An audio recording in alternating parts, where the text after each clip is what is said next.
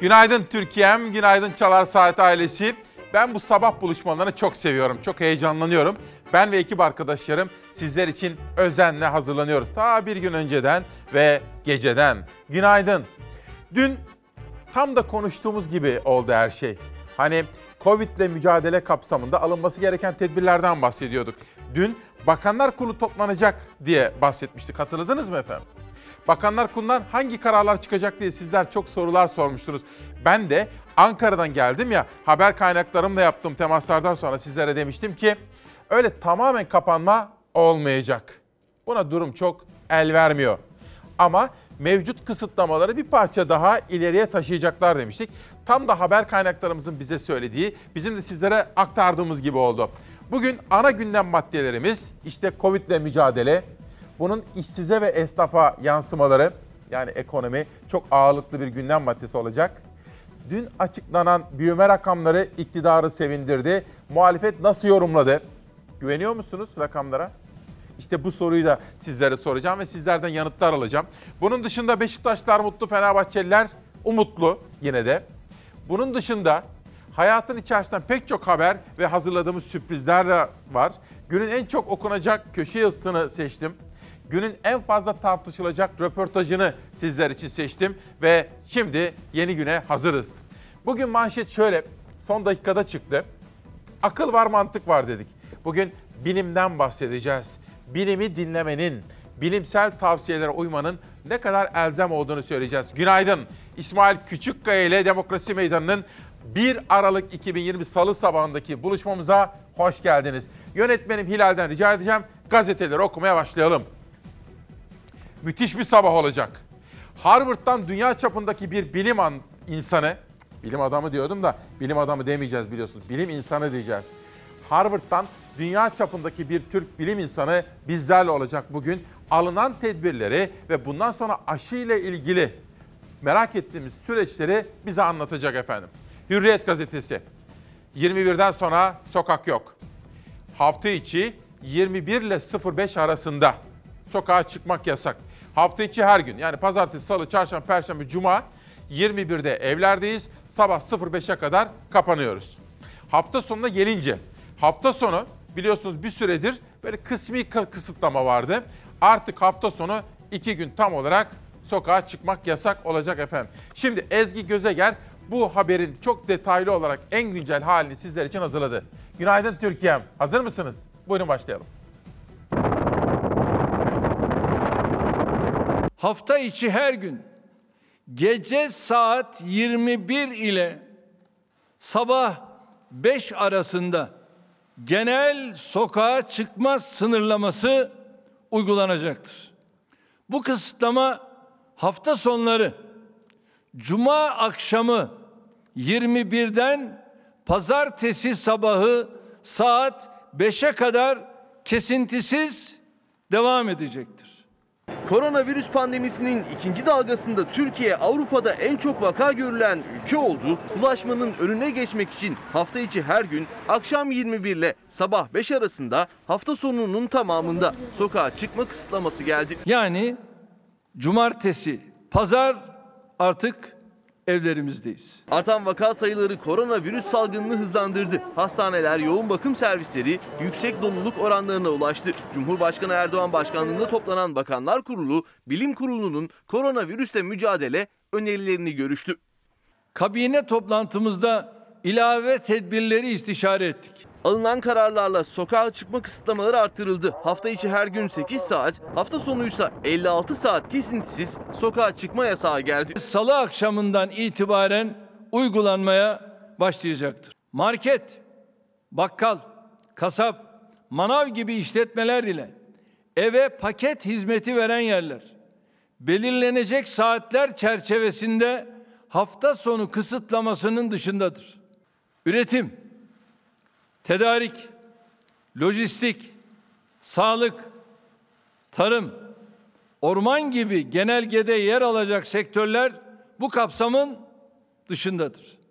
65 yaş üzeri ve 20 yaş altı kişilerde yeni kısıtlamalardan nasibini aldı. İstisnalar hariç toplu taşıma kullanmaları yasaklandı. Daha önceki genelgelerde belirtilen istisnalar hariç 65 yaş üstü ve 20 yaş altı toplu taşıma araçlarını kullanamayacaktır. Yeni tedbirler kapsamında cenaze namazları ve nikah törenlerine kişi sayısı sınırlaması getirildi. Ana sınıfları kapatıldı. Hamamlar, yüzme havuzları gibi yerlerin faaliyetlerine ara verildi. Cenaze namazları yakınları dahil en fazla 30 kişi ile kılınacak.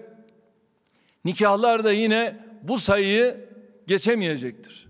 Ana sınıfı ve benzeri eğitim kurumlarının faaliyetlerine ara verilecektir. Hamam, sauna, masaj salonu, yüzme havuzu, Luna Park gibi yerler faaliyetlerine ara verecektir.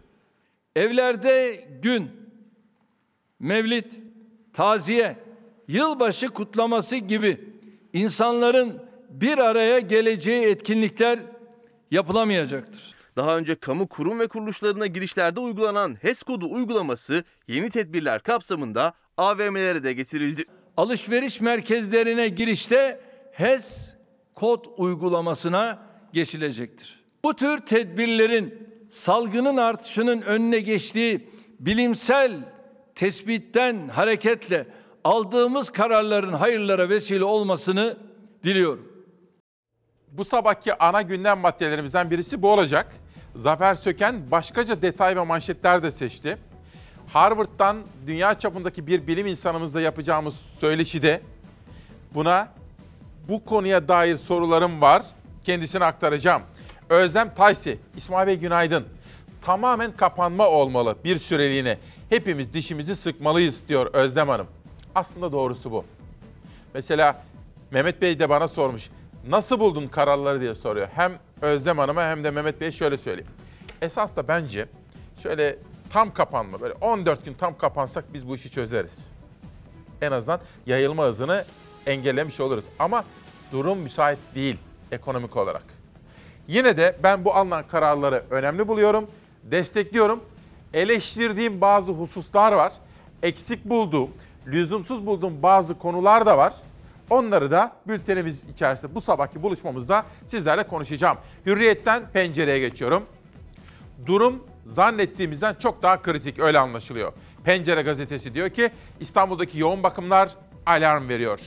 Türk Yoğun Bakım Derneği Başkanı Profesör Doktor İsmail Cinel ve Türk Yoğun Bakım Hemşireleri Derneği Başkanı Ebru Kraner İstanbul'da yoğun bakım doluluk oranının %100'e yaklaştığını söyledi ve halkımızı, vatandaşlarımızı tedbirlere riayet etme konusunda uyardı efendim. İşte şimdi de yasaklar nasıl genişledi bir parça daha detay ineceğiz ve özellikle günlük düne dair rakamı en güncel haliyle huzurlarınıza ve yorumunuza getireceğiz. Sizce e, verilen e, ölüm vefat sayıları doğru mu? doğru olmadığını biliyoruz. Bugün gelinen yerde ben eh, daha açık olarak Sağlık Bakanlığı'nın tabloyu kararttığını düşünüyorum. Her gün ölüm rekoru kırılıyor bu ülkede değil mi? Her gün bir gün öncenin rekoru kırılıyor. Türkiye'nin koronavirüs tablosundaki can kaybı her geçen gün giderek artıyor. Ağır hasta sayısı ve vaka oranları ise çok daha yüksek oranda artıyor. Üzerine mezarlıklardan gelen görüntüler ve belediyelerin ölüm sayıları da eklenince açıklanan can kaybını hiç de inandırıcı bulmuyor uzmanlar. Gasilhanelerden, mezarlıklardan görüntüler geliyor. Hani bir savaş koşullarında bile olmayacak görüntüler bu. 30 Kasım tablosunda vaka sayısı ilk kez 31 bin seviyesine çıktı. 31.219 yeni vakanın yanı sıra belirti gösteren 6.514 koronavirüs hastası var dedi son tablo. Ağır hasta sayısı da arttı. 5190 olarak tabloya yansıdı. Toplam hasta sayısı yarım milyonu geçti. 500.865 oldu. Ve Türkiye genelinde 188 kişi daha koronavirüs nedeniyle vefat etti dedi Sağlık Bakanlığı verileri.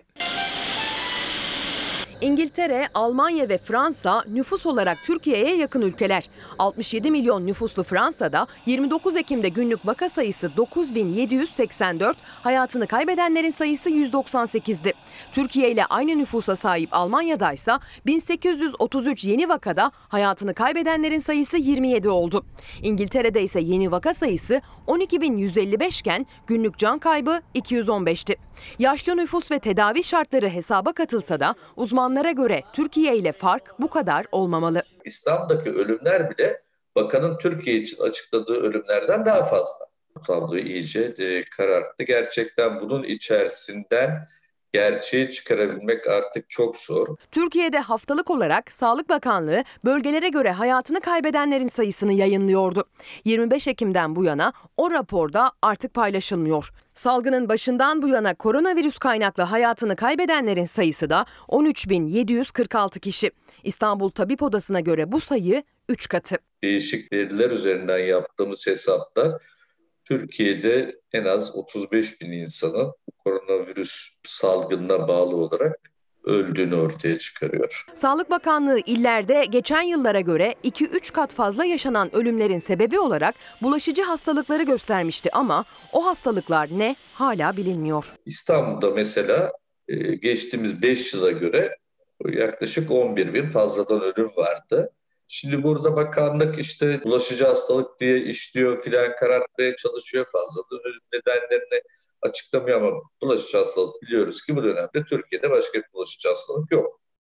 Sabah ekip arkadaşlarımla konuşuyorduk da kararları biz olumlu bulduk, makul bulduk ama hatta bir arkadaşım dedi ki yetmez ama evet. Şöyle bana da soranlar var mesela ama itiraz edenler de var. Gül Hanım diyor ki İsmail Bey bu nasıl yasak? Ben torunuma bakıyorum. Nasıl gideceğim? Cumartesi kızım çalışıyor. Vallahi yeter.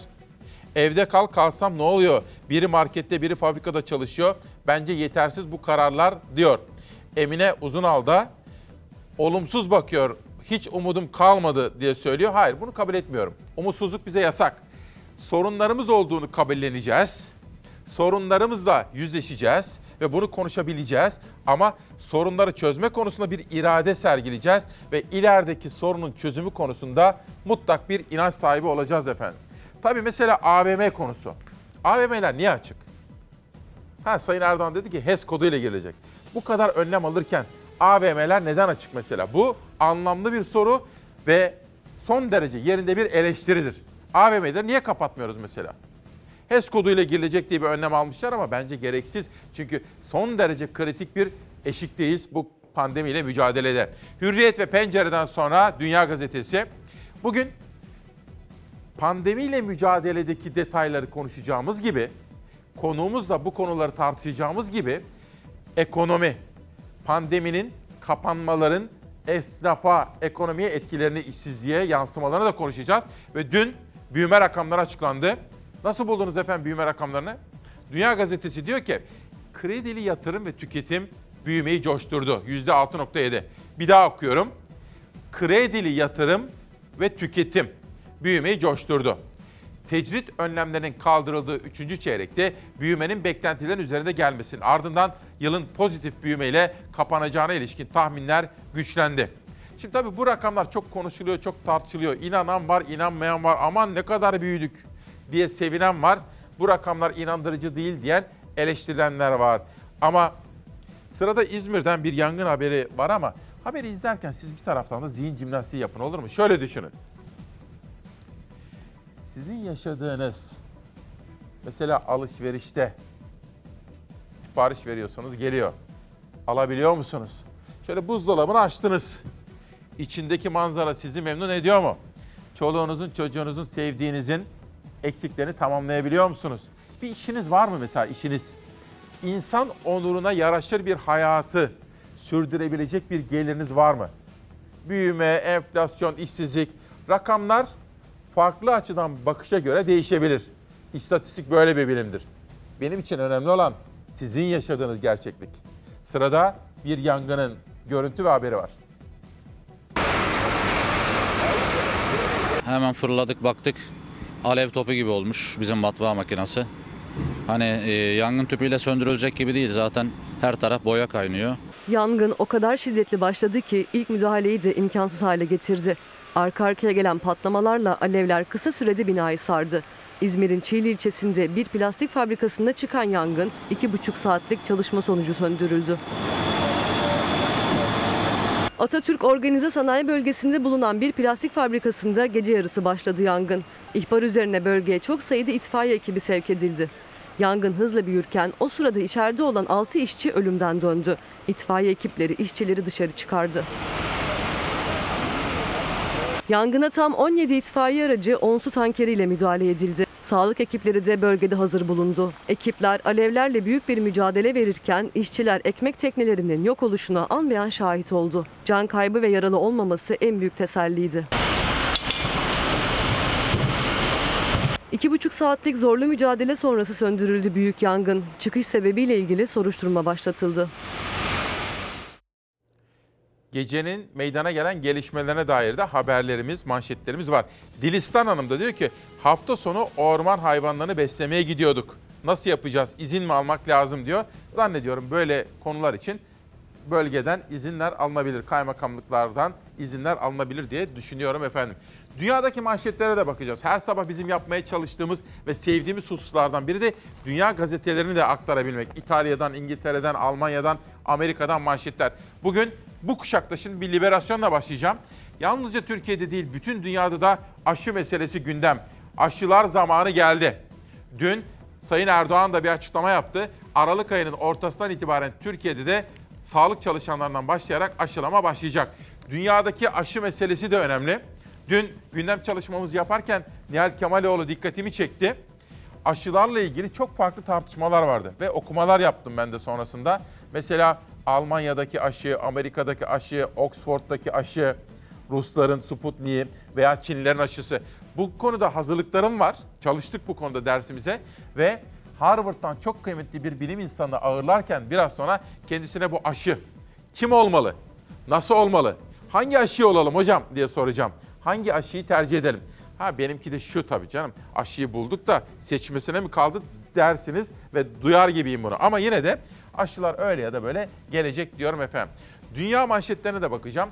Dün Financial Times ve başka pek çok uluslararası gazetenin manşetinde Formula 1'deki bir kazanın haberi vardı. Arkadaşlarım o manşeti sizler için görüntülü olarak hazırladı. After turn three, and you see Grosjean, uh, one car out there, and then Grosjean to the right hand side.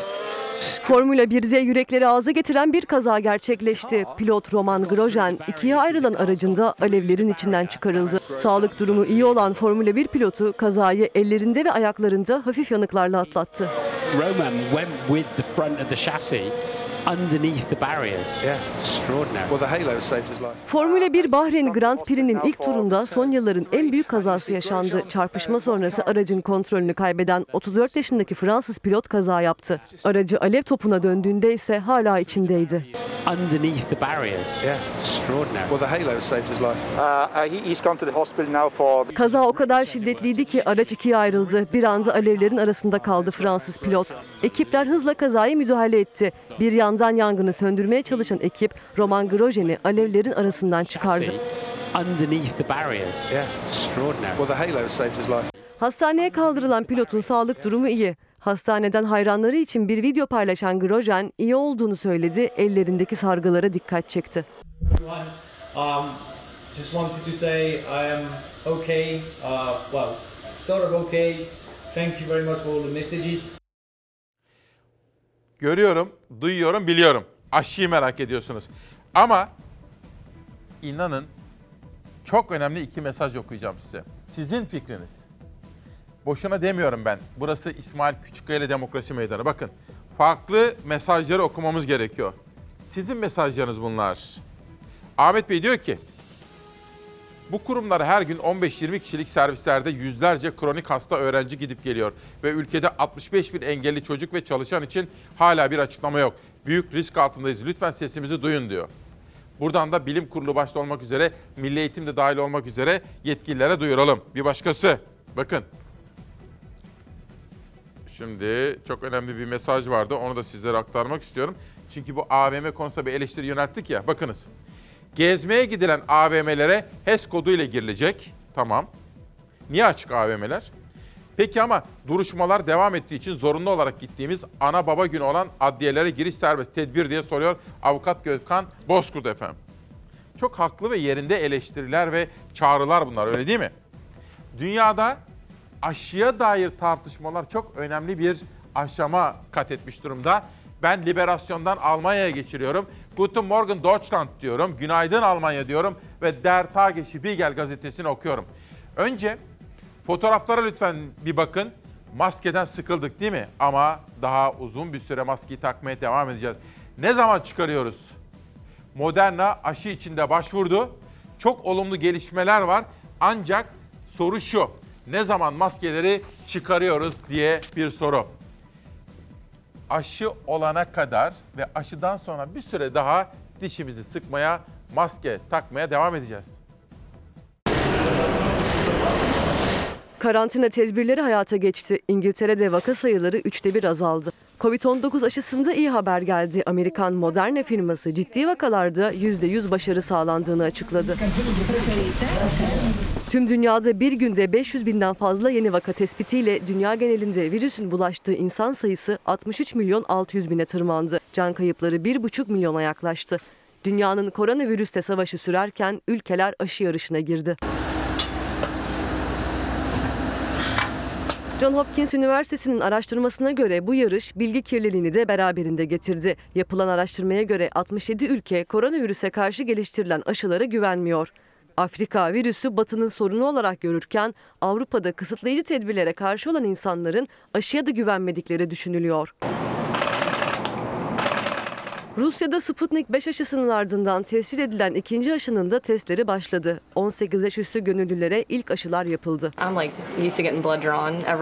Covid-19 aşısında bir haber de Amerika Birleşik Devletleri'nden geldi. Moderna şirketi hafta sonu yapılan denemelerde başarı yüzdesini 94,1 olduğunu açıkladı. Ciddi vakalarda bu oranın %100 olduğu belirtildi. Şirket koronavirüs aşısının acil kullanımı için Amerika Birleşik Devletleri'nde ve Avrupa'da başvuru yaptı. Amerikan Gıda ve İlaç Dairesi aşıya onay vermesi halinde Amerikalıların 21 Aralık'tan itibaren aşı kullanımına başlaması planlanıyor. En fazla vaka ve ölümün görüldüğü Amerika Birleşik Devletleri'nde bugüne kadar 13 milyon 750 binin üzerinde kişide COVID-19 tespit edildi. Salgın nedeniyle 275 bine yakın kişi de hayatını kaybetti.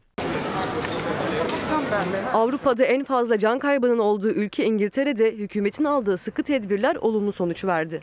Ülkenin 5 Kasım'da ikinci kez karantinaya girmesinin ardından vaka sayıları 3'te 1 oranında azaldı. Tedbirler öncesinde her 10 bin kişiden 132'si koronavirüs taşıyıcısıyken bu rakam şimdi 96'ya düştü. Salgınla ilgili yeni tartışma konusuysa karantina süreleri. Enfekte hastalarla temas edenler için 14 gün izolasyon süresi önerilirken Amerika Birleşik Devletleri ekonomik ve sosyal kayıpları önlemek için bu süreyi 7 ile 10 güne düşürmeyi planlıyor. Almanya ise bu süreyi 5 güne indirme hazırlığında.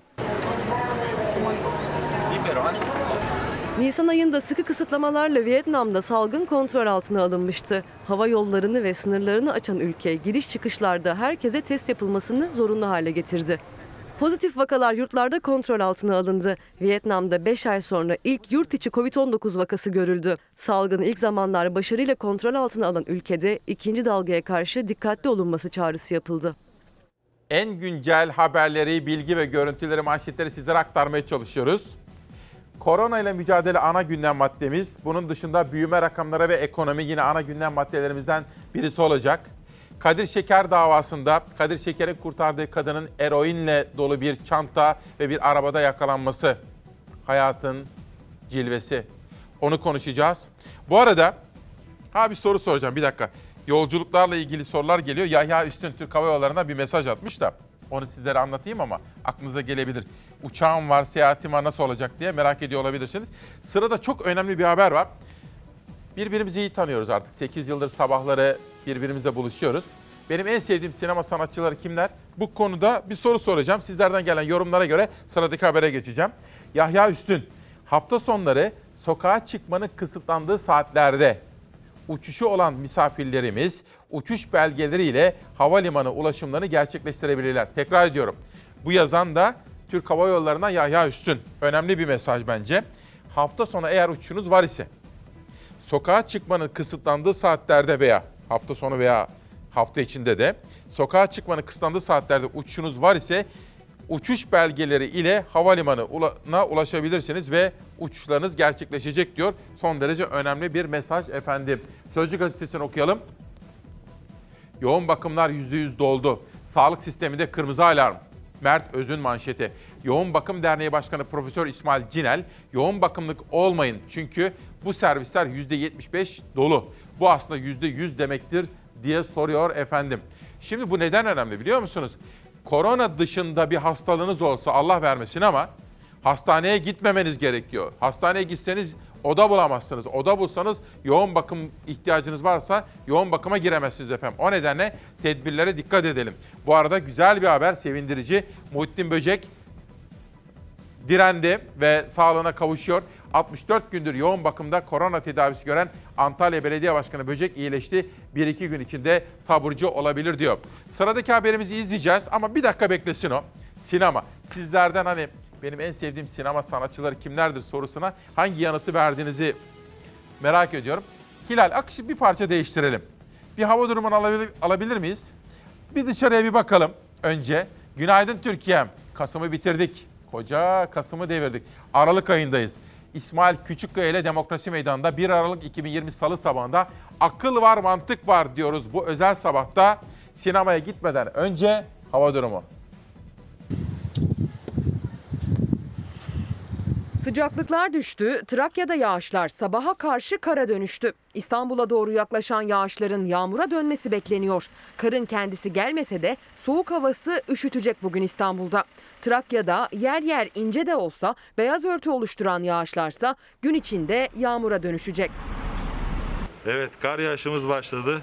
Edirne'den giriş yaptı kar yağışı. Hamzabeyli ve yakın köylerinde gece saatlerinde kar yağdı. Zamanla Tekirdağ ve Kırklareli'de de yer yer kar yağışı kaydetti haber kameraları. Tekirdağ'ın Malkara ilçesinin batısında ve yükseklerinde ince ince yağan kar az da olsa beyaz örtü oluşturdu. Kırklareli'nin yüksek kesimlerinde de etkisini gösterdi kar yağışı. Bugün soğuk hava yurdun kuzeybatısından Marmara bölgesine sokuluyor. Sıcaklıklar Marmara'da dünden bugüne ortalama 4-5 derece birden düşüyor. Öte yandan kuvvetli ve soğuk esen Poyraz Marmara'da hissedilen sıcaklıkları da düşürecek. Trakya'da geceden sabaha yer yer kar ve karla karışık yağmur şeklinde düşen kar yağışı İstanbul'un merkezine yaklaştıkça yağmura dönüşecek bugün. Gün içinde Marmara genelinin yanı sıra yurdun güneyinde de yağış görülecek. Akdeniz kıyıları Güney Ege yağışlı. Güneydoğu Anadolu bölgesinin batısıyla Doğu Anadolu bölgesinin batı illerinde de yağış var. Tunceli, Erzincan ve Bingöl'ün yüksek kesiminde karla karışık yağmur ve kar yağışı görülebilir. Yurdun tüm iç kesimlerinde ve doğudaysa buzlanma ve sisli havanın etkisi de sürecek. Dikkatli olunmalı. Pazartesi akşam saatlerinde Doğu Anadolu bölgesinde kuzey kesimlerde de yağış bekleniyor. Zamanla Karadeniz bölgesinin doğusu da akşam saatlerinde yağışlı havanın etkisine giriyor. Salıdan çarşambaya geçerken Marmara ve Batı Akdeniz'de yağışlar hafifliyor, yurdun doğusunda yağışlar etkisini arttırıyor. Doğu Anadolu'nun ve Doğu Karadeniz'in yükseklerinde çarşamba günü yağışlar kar ve karla karışık yağmur şeklinde düşebilir. Yurt genelinde hava soğuk, geceden sabaha iç ve doğu kesimlerde buzlanma ve don ihtimali hafta boyunca sürüyor. Aralık ayının ilk yarısına bakıldığında ise yağışlar olması gerekenin altında kalacağı benziyor. Sırada yine hava durumuna ve yağışlara ilişkin bir manşetim var. Bir gün gazetesini okuyacağım. Elimde Cumhuriyet'ten bir manşet var. Şimdi Nuriye Hanım diyor ki herkes biliyor diyor. Filiz Akın'ı çok seviyorsunuz diyor. Tabii ki onu demiyorum ben. Aslında gayet tabii ki Filiz Akın'ı çok seviyorum. Türkan Şoray'ı çok seviyorum. Fatma Giri'yi çok seviyorum. Gülşen Bubikoğlu. Onlarla büyüdük. Onları çok seviyorum. Onlar onlar bizim mücevherlerimiz. Ama ben aslında yanlış sordum, eksik sordum. Dünya çapındaki bir sinema yönetmenimizden bahsediyordum. Ferzan Özpetek. Hani ben bir kere size söylemiştim. Tabii bütün konuklarım değerli, Demokrasi Meydanı'na katılanlar ama Fazıl Say buraya geldi 2-3 kere. Ferzan Özpetek 2-3 kere geldi. Murat Anmungan bir kere geldi. Onlar böyle emsalsiz yayınlardı. Sırada Ferzan Özpetek'le ilgili bir haber var. Onu anons etmeye çalışıyorum. Bir gün her bir, her adım fiyasko diye bir manşet yapmışlar. Ama aynı gün ha bunun haberi var bir beklesin. Kılıçdaroğlu'na yönelik linç girişimi ve davası vardı. Yağışlar azaldı. İklim bozuldu. Barajlarda su kalmadı. Bu yıl yağışların neredeyse yarı yarıya azalmış olması sebebiyle karşı karşıya bulunduğumuz kuraklık tehlikesine dikkat çekmek istiyorum.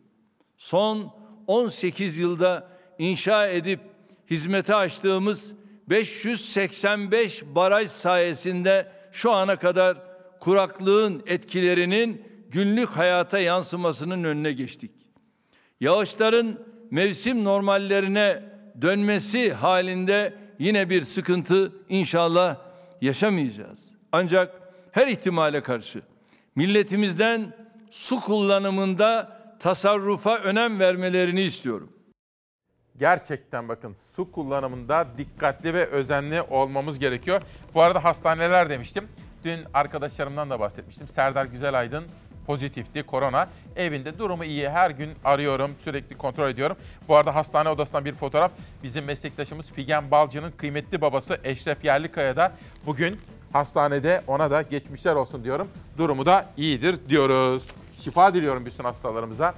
Ne yağmur var ne de bir umut. Mustafa Çakır'ın bugün Cumhuriyet'teki haberinde. Anadolu'da yağış gecikti. Toprak nemlenmedi. Toprak nemlenmeyince çiftçi buğdayı ekemedi. Zeytin dalında kavruldu. Çiftçi zorda.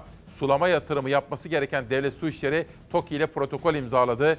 Çiftçi borç batağında traktörler, arsalar, tarlalar haiz ediliyor diyor ve bu haberin içinde Baki Remzi Su İçmez'inde sözleri var. Efendim çiftçinin durumu önemli ve çiftçi destek beklemekte. Bir gündeki şu haberi bir okuyalım. Biri unutmuş, diğeri şuurunu kaybetmiş. E tabi hafıza sorunu var memlekette. İktidar avukatlık yapınca sanıklar dalgaya vurdu. CHP liderini linç etmek isteyenler iktidardan aldıkları güçle hakim karşısında alay ettiler. Ankara Çubuk'ta 21 Nisan 2019'da CHP lideri Kılıçdaroğlu'nu bir asker cenazesine katıldığı sırada linç etmek isteyenler hem kamuoyuyla hem de mahkemeyle alay etti. Peki o zaman bir susalım. Adalet arayanlar, adalet reformu diyenler izlesinler.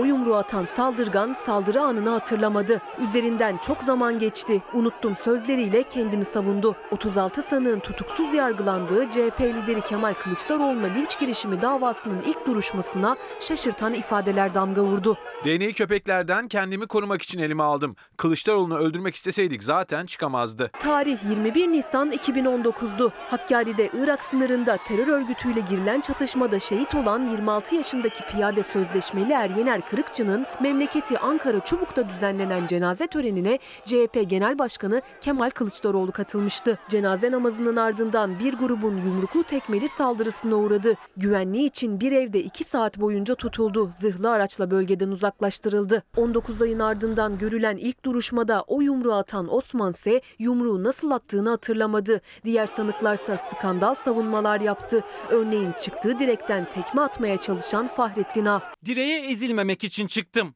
Orada dolanıyordum. CHP aracına attığı bu kaya parçasıyla şoförü yaralamakla suçlanan Elif G ise evde terörist var sandım, CHP aracı olduğunu bilmiyordum dedi. Hakimin nasıl kaldırdın o taşı sorusuna o kadar ağır değildi diye cevap verdi.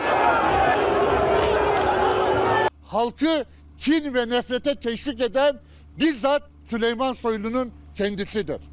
Linç girişiminde bulunan tüm insanların tümü elini kolunu sallıyor. Bir tek tutuklu içeride yok. Adliye çevresinde yoğun güvenlik önlemlerinin alındığı duruşmayı çok sayıda CHP'li vekil izledi. CHP'li vekiller salonda bazı sanıkların sözlü sataşmalarının ve tehditlerinin hedefi oldular. Bu konuya devam edeceğim. Bunun güncel gelişmeleri ve açıklamaları var. İlerleyen kuşaklarda bu konuda bir çiftli sözüm olacak efendim. Gülsen Hanım, ben bunu bilmiyorum. Yönetmenim Hilal'e sordum, o da şimdi araştıracak. İsmail Bey, bütün eğitim kurumları kapalı. Peki hal böyleyken rehabilitasyon merkezlerinin neden açık olduğunu biri anlatabilir mi? Akıl var, mantık var diyor. Bilmediğim bir konu. Arkadaşlarım araştıracaklar. Bu arada danışmanımdan bir bilgi geldi. Tezcan Karakuş Can'dan Mimarlar Odası Ankara Şubesi TRT Arı ve Orkut Stüdyoları mücadelesinde zaferle ayrıldılar diyor. Ankara'nın kent dokusuna dair mücadelesini sürdürüyorlar. Gelişmenin ne olduğunu kahve molasında detaylandıracağım, öğreneceğim. Daha detaylı sizlere anlatacağım. Bir günden sabaha geçelim. Sabah gazetesinde Kandil'de sıra kimde korkusu var. Aslında manşetinde Cumhurbaşkanı Erdoğan açıklamaları var ama o açıklamaları aynen hürriyetten okuduğum için tekrara kaçmamak adına sabahtan bir başka manşet seçtim sizler için. Kandil'de sıra kimde korkusu.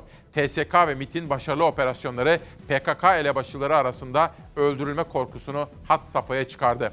MIT'in sağladığı istihbaratla TSK'nın gerçekleştirdiği nokta operasyonlarda terör örgütünün kilit isimleri birbiri ardına etkisiz hale getirildi. Kandili korku ve panik sararken teröristler sıra hangimizde kabusu yaşıyor. Örgüt elebaşılarından Cemil Bayık'ın MIT içimize kadar sızmış. Kandil'e yönelik saldırılar bunu gösteriyor sözleri korkunun itirafı oldu diyor terörle mücadele konusunda bir manşet. Şimdi yönetmenimden rica edeceğim. Bu gazeteleri şimdilik bir kaldıralım. Kısa bir süre önce yapmış olduğumuz bir Çalarsat gazetesi geliyor. Dünya çapındaki gururumuz Ferzan Özpetek. Kendisi iki kere buraya da geldi demokrasi meydanında. Bir öneride bulunmuştu. İtalya'da çok seviliyor ve çok sayılıyor. İtibar görüyor biliyorsunuz. Beyaz gömlekler günü yapalım demişti Ferzan Özpetek. Bizim yayınımızda da birçok sağlık görevlisinin koronayla mücadelede kahramanca kendi hayatlarını hiçe sayarak gösterdikleri o mücadele konusunda Ferzan Özpetek bir öneride bulunmuştu. İşte şimdi sıradaki haberimiz Ferzan Özpetek'in o önerisine dair. Ferzan Özpetek, İtalya'da ilk koronavirüs teşhisinin konulduğu gün olan 20 Şubat'ı sağlık çalışanlar için Beyaz Gömlekler Günü ilan edilmesini önerdi. Ee, beyaz gömlekler e, Önerisinden. bayramının olmasından çok Evet. önerisinden onun gerçekleşmesinden çok mutluyum. İlk öneriyi ünlü yönetmen Ferzan Özpetek yaptı. İtalya öneriyi kabul edip 20 Şubat'ı Beyaz Önlüklüler Günü ilan etti. Pandemide ön saflarda çalışan İtalyan sağlık çalışanları için. Dünyaca ünlü yönetmenimiz Ferzan Özpetek, sağlık çalışanları için anlamlı bir çağrıda bulundu. Ferzan Özpetek günaydın. Günaydın, günaydın. Nasılsınız? İtalya'da yaşayan usta Türk yönetmen Ferzan Özpetek önerisini 30 Nisan 2020'de İsmail Küçükkaya ile Çalar Saat'te Türkiye'ye de duyurmuştu. İçinde bulunduğumuz pandemiyi 3. Dünya Savaşı olarak nitelemişti. Çünkü bu 3. Dünya Savaşı. Yani şimdi biz bu dönemi atlattıktan sonra e, diyelim ki aradan 10 yıl geçti. Bu dönemi yaşamayan insanlar bilmeyecekler neyi geçirdiğimizi. Ferzan Özpetek önerisi için bir imza kampanyası başlattı Nisan ayında. Ülkenin ileri gelen sanatçıları kampanyaya büyük destek verdi. Ülke yönetimi de öneriye sıcak baktı. Ferzan Özpetek'in ülkede ilk vakanın görüldüğü 20 Şubat'ın her sene sağlık çalışanlarının günü olarak kutlanması önerisi İtalya'da yasalaştı. Doktorlar, doktorlar dediğim bütün beyaz gömlekler yani hasta bakıcılar, e, Hemşireler. bir hemşire her şeyi yapan yani hastanede çalışanların e, günü olsun, bayramı olsun dememin nedenlerinden birisi de e, bu e, bu kadar çok fedakarlık yapan, bu kadar çok hakikaten büyük fedakarlık bu. Sanatçı hassasiyetiyle yaptığı önerisi yasalaşan Özpetek, ülkenin ileri gelenlerinden ve sağlık çalışanlarından pek çok tebrik aldı. Türk yönetmen pandemi döneminin yardımlaşmayla aşılabileceğini vurguluyor. Birbirimize hep el uzatmamız gereken bir dönem bu. Yani birbirimize hep yardımcı olmamız gereken bir dönem bu. Ve başkasını düşünerek dikkatli olmamız gereken bir dönem. Bu haberi de Ezgi Gözeger çok iyi yakalamış, ince işçilik yapmış. Kendisinin eline yüreğine sağlık. Bu arada Fox bir ödül daha aldı. Araya hafta sonu girdi, hakkını veremedim. Bugün ondan bahsetmek istiyorum. Ufuk Özaktaş, günaydın. Bağkur borçlarına ilaç ve tedavi desteği istiyoruz diyor. Bu önemli bir mesaj. Semra Hanım diyor ki o kadar güzel söz söylüyoruz mesajımızı okumuyorsunuz diyor. Halit pandemide çarşı pazar AVM gezmedik. Bahçemizde toprakla uğraştık. Kendi ihtiyaç tarimimizi yaptık. Organik beslendik. Virüsten korunduk diyor. Ho- hobi bahçeleri yıkılmasın diyor. Şimdi Semra Hanım güzel mesajlar yazdı. Tabii ki hoşuma gidiyor ama bu sene öyle yapamıyoruz. Böyle tabii ki hoşuma gider ama böyle çiçek böcek hayır. Görüş, bilgi, yorum, öneri, eleştiri bunları istiyoruz. Katkı istiyoruz. Çünkü bu sene ağır bir sene. Böyle çiçekle böcekle getirecek çok vaktim yok kusura bakmayın. Ha, zamanı gelir yine yaparız onları Semra Hanım. Şimdi Mersin İmece Gazetesi KYK borçları silinmeli. Sabah Savaş Yıldız da seçerken yerel gazetelere abi dedi biliyorsun ben de bir KYK borçlusuyum dedim dedi. Savaş Yıldız da onların yanında. Üniversiteden işsiz ve borçlu ayrılma durumunun kendilerini karamsarlığa sürüklediğini belirten öğrenciler KYK borçlarının silinmesini ve eğitime daha çok bütçe ayrılmasını talep ediyor. Bu da Gizem Tokkuzu'nun özel haberi Mersin İmece gazetesinde. Fox demişken bakınız Tabii sade kahve saatim geldi görüyorsunuz değil mi? Şöyle terasa çıkacağım. Bir sade kahve tamamen ayılacağım. Bugün Doğan Hız'dan Sedat Simavi ödüllerini yazmış sağ olsun vefa göstermiş. Bakın televizyon ödülü. Haber Beril Ötkan ve Berkcan Tuğ. Fox TV'de 4 Mayıs 2020 tarihinde yayınlanan Evde Ekmek Yok adlı ortak haber programı. Gelenek değişmedi diyorum. İki kitap tanıtımı yapmama izin verir misiniz efendim? Akın Öngör. Bilenler bilir. Önemli bir isimdir. Güçten sonra devam. İşte asıl mesele bu. Güçten düştükten sonra devam edebiliyor muyuz? O büyük makamlardan sonra bu sorunun yanıtına bakmış. Ve Ülkü Tamer. Yaşamak nedir efendim? Yaşamak nedir? Yaşamak hatırlamaktır. İşte o nedenle bizler anılar biriktirmeli ve biriktirdiğimiz anılara gözümüz gibi bakmalı. Anılara adeta şairin dediği gibi su vermeliyiz.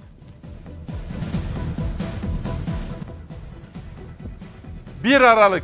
Evet, koca Kasım bitti. Ya hayat ne kadar yalan değil mi? Zaman ne kadar çabuk geçiyor. Böyle bir rüya gibi. Annem hep öyle söylerdi. Babamla konuşurken. Vay be derdi. Bir rüya gibi gelip geçiyor hayat.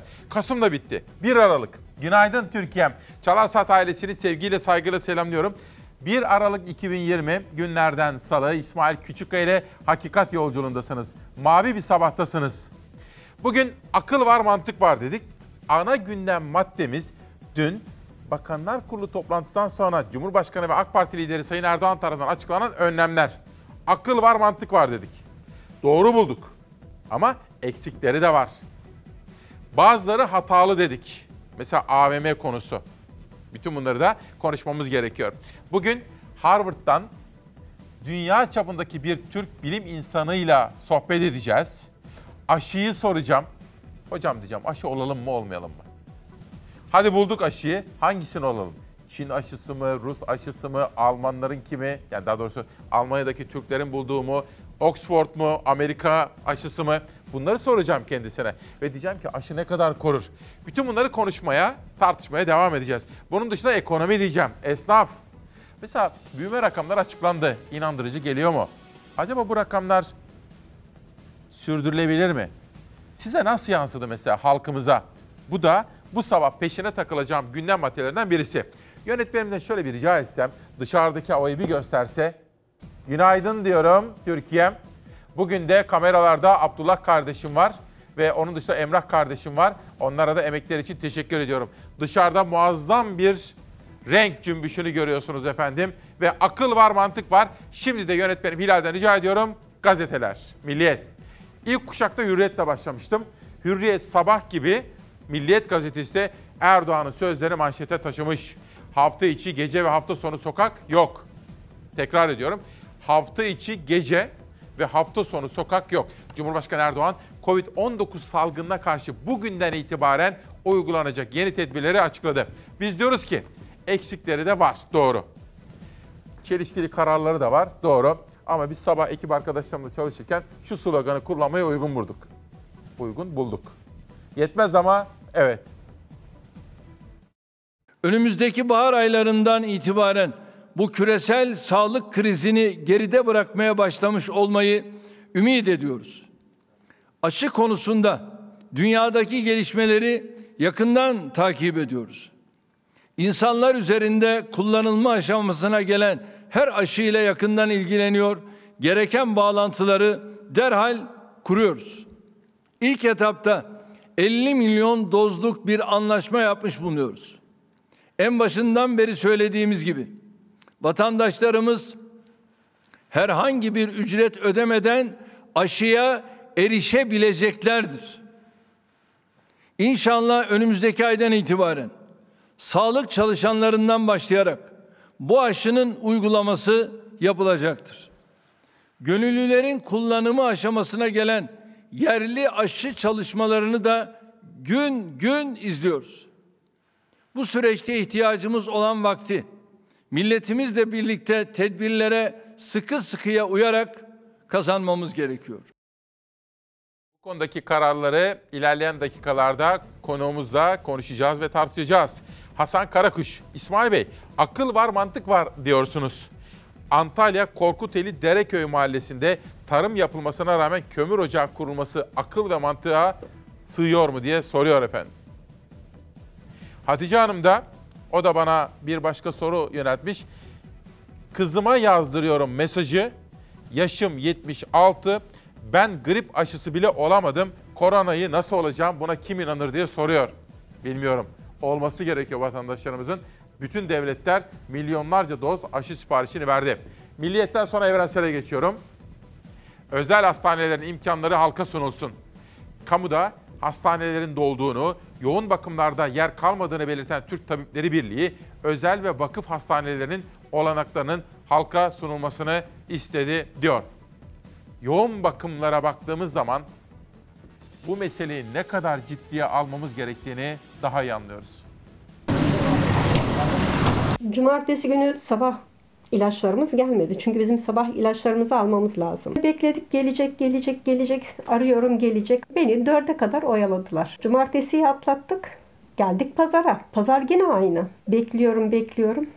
Yok. Hastane içinde bile ilaca ulaşmak bu kadar zor. Çünkü yoğun bakımlar dolu. Sağlık çalışanları artık yetişemiyor hastalara. Mustafa Altay kanser hastası. Yaklaşık bir buçuk aydır Bursa Ali Osman Sönmez Onkoloji Hastanesi'nde tedavi görüyordu. Tedavi gördüğü hastanede virüs kaptı. Tanı cuma günü kondu ve hemen Muradiye Devlet Hastanesi'ndeki bu odaya nakledildi. Odamın genişliği bu.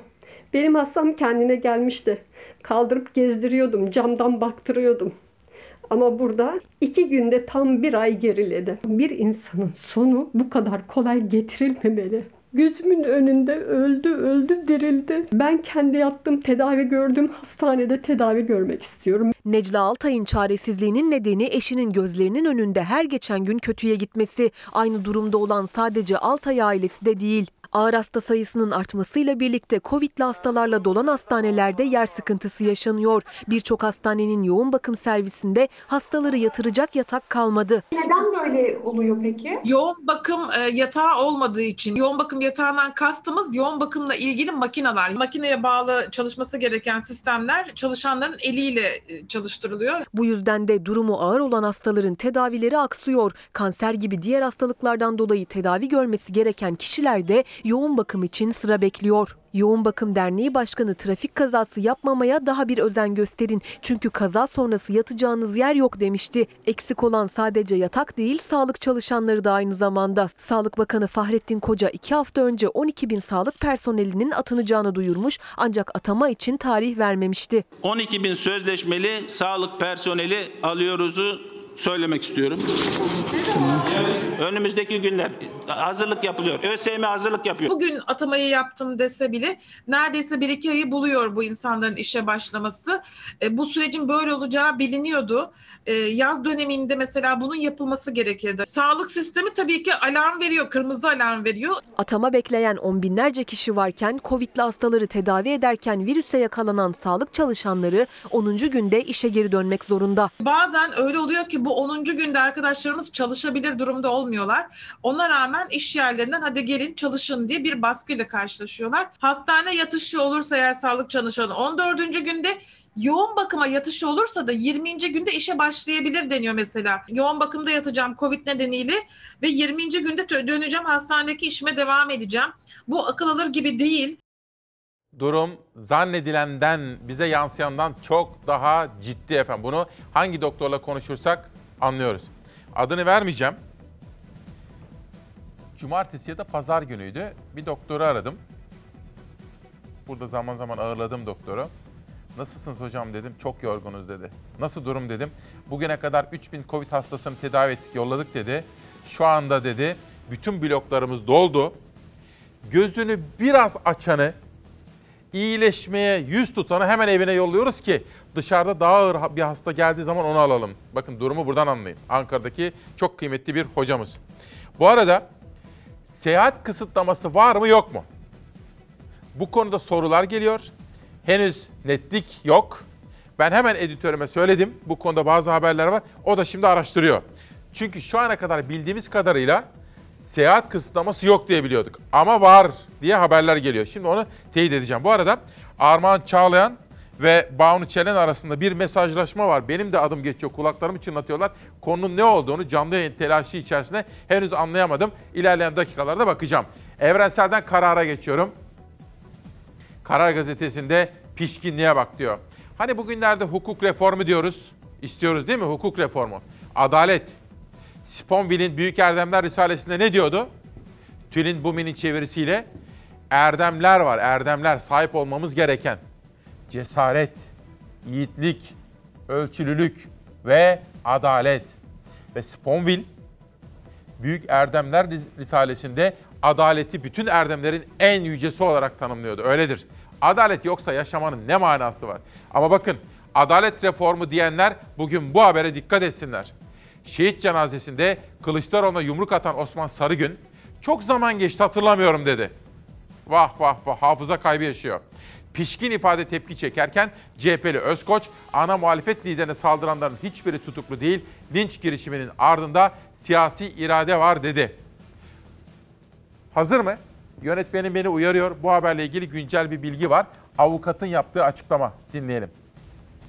Sayın Genel Başkan'ın yaşamış olduğu bu vahim olayı küçültmeye çalışıyor yargı. Ee, bir anlamda basit bir olaymış gibi algılatmaya, öyle sunmaya çalışıyor. Çünkü e, e, hep şu oluyor. E, acaba bu eylem işte muhalefete, ana muhalefete bir prim sağlar mı? Yalan söylediler. Hani bir anlamda çoğu e, suçu işlemediklerini ifade ettiler. Taş atmadıklarını, saldırmadıklarını, hakaret etmediklerini ifade etmeye çalıştılar ama onlar biliyorsunuz siz de izlediğiniz e, duruşmayı. Duruşma sırasında biz hepsine ilişkin belgeleri sunmuş olduk. Zaten video kayıtları var bununla ilgili. Dolayısıyla anlamsız savunmalarda bulundular. O savunmaları çürütecek e, materyaller, deliller elimizde zaten. E, sonuç itibariyle onların ceza alması sağlanacak. Bu olay eğer AKP'li siyasilere yönelik olmuş olsaydı yani Sayın Erdoğan'a yönelik olmuş olsaydı bu insanların tutuklanmama ihtimali olabilir miydi? Bu davanın ağır ceza mahkemesine açılmama ihtimali olabilir miydi diye sorguladık. Sanıkların bir kısmının devlet memuru olduğu gerçekliğiyle karşı karşıya kaldık. Düşünün ki bir devlet memuru yani bir anlamda nesnel olması gereken, saygın tutumlar e, alması gereken devlet memurlarının genel başkanımıza karşı linç girişimi içerisinde olduğu bilgilerini edinmiş olduk. Genel başkanımızın, partimizin haklarını sonuna kadar savunacağız ve iddialıyız. O güruh yani Çubuk'ta genel başkanımıza yönelik linç girişimini gerçekleştiren güruh için söylüyorum. Ciddi cezalar alacaklar. Ceza almalarını mutlak bir şekilde sağlayacağız. Hukuk reformu, herkese adalet. Avukat doğru söylüyor. Kılıçdaroğlu'na ana muhalefet partisi liderine yapılan bu muamele iktidar partisinden herhangi birine yapılsa ne olurdu? Hiç kimseye yapılmasın. Şiddetin her türlüsünü lanetliyoruz ama haklı bir soru. Adalet arıyoruz. Bu arada efendim seyahat kısıtlamasına dair bir bilgi vereyim. Özel aracınızla seyahat edemeyeceksiniz. Seyahat etmeniz gerekiyor ise bir mazeretiniz ve bu mazerete dayalı olarak izin almanız gerekiyor. Ama toplu taşıma ile seyahate çıkabiliyorsunuz HES kodu kullanarak. Kabaca böyle özetleyeyim. Bu konuyu yarın biz da, biraz daha detaylı işleyelim efendim. Şu bana da çok sorulan bir soru. Oktay Tuğcu diyor ki bakın İsmail diyor ağam demiş de ağamlık paşamlık yok artık canım güzel kardeşim sağ ol.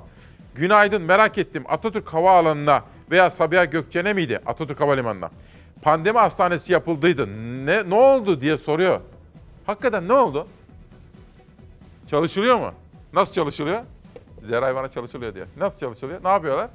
Ne oldu pandemi hastanesi? Söylüyor bana ama ya bunu yani Zeray'ın bana şimdi söylediğini burada söyleyemem. Ben yayından sonra onu formüle ederim merak etmeyin. Bir manşet daha gelsin. Kılıçdaroğlu'na linç girişimi davası başladı. Öldürmek istesek çıkamazdı diyor. Aynı olay bugün Pencere gazetesinin de manşetine yansımış. Tekrara gerek yok. Bir sonraki habere geçelim. Bir Gün Gazetesi'nden bir esnaf haberi var. Bir dakika, pardon. Esnaf manşetini sizlere sunacağım. Ama önce ya hayatta neler oluyor değil mi insanın başına? Bir düşünün.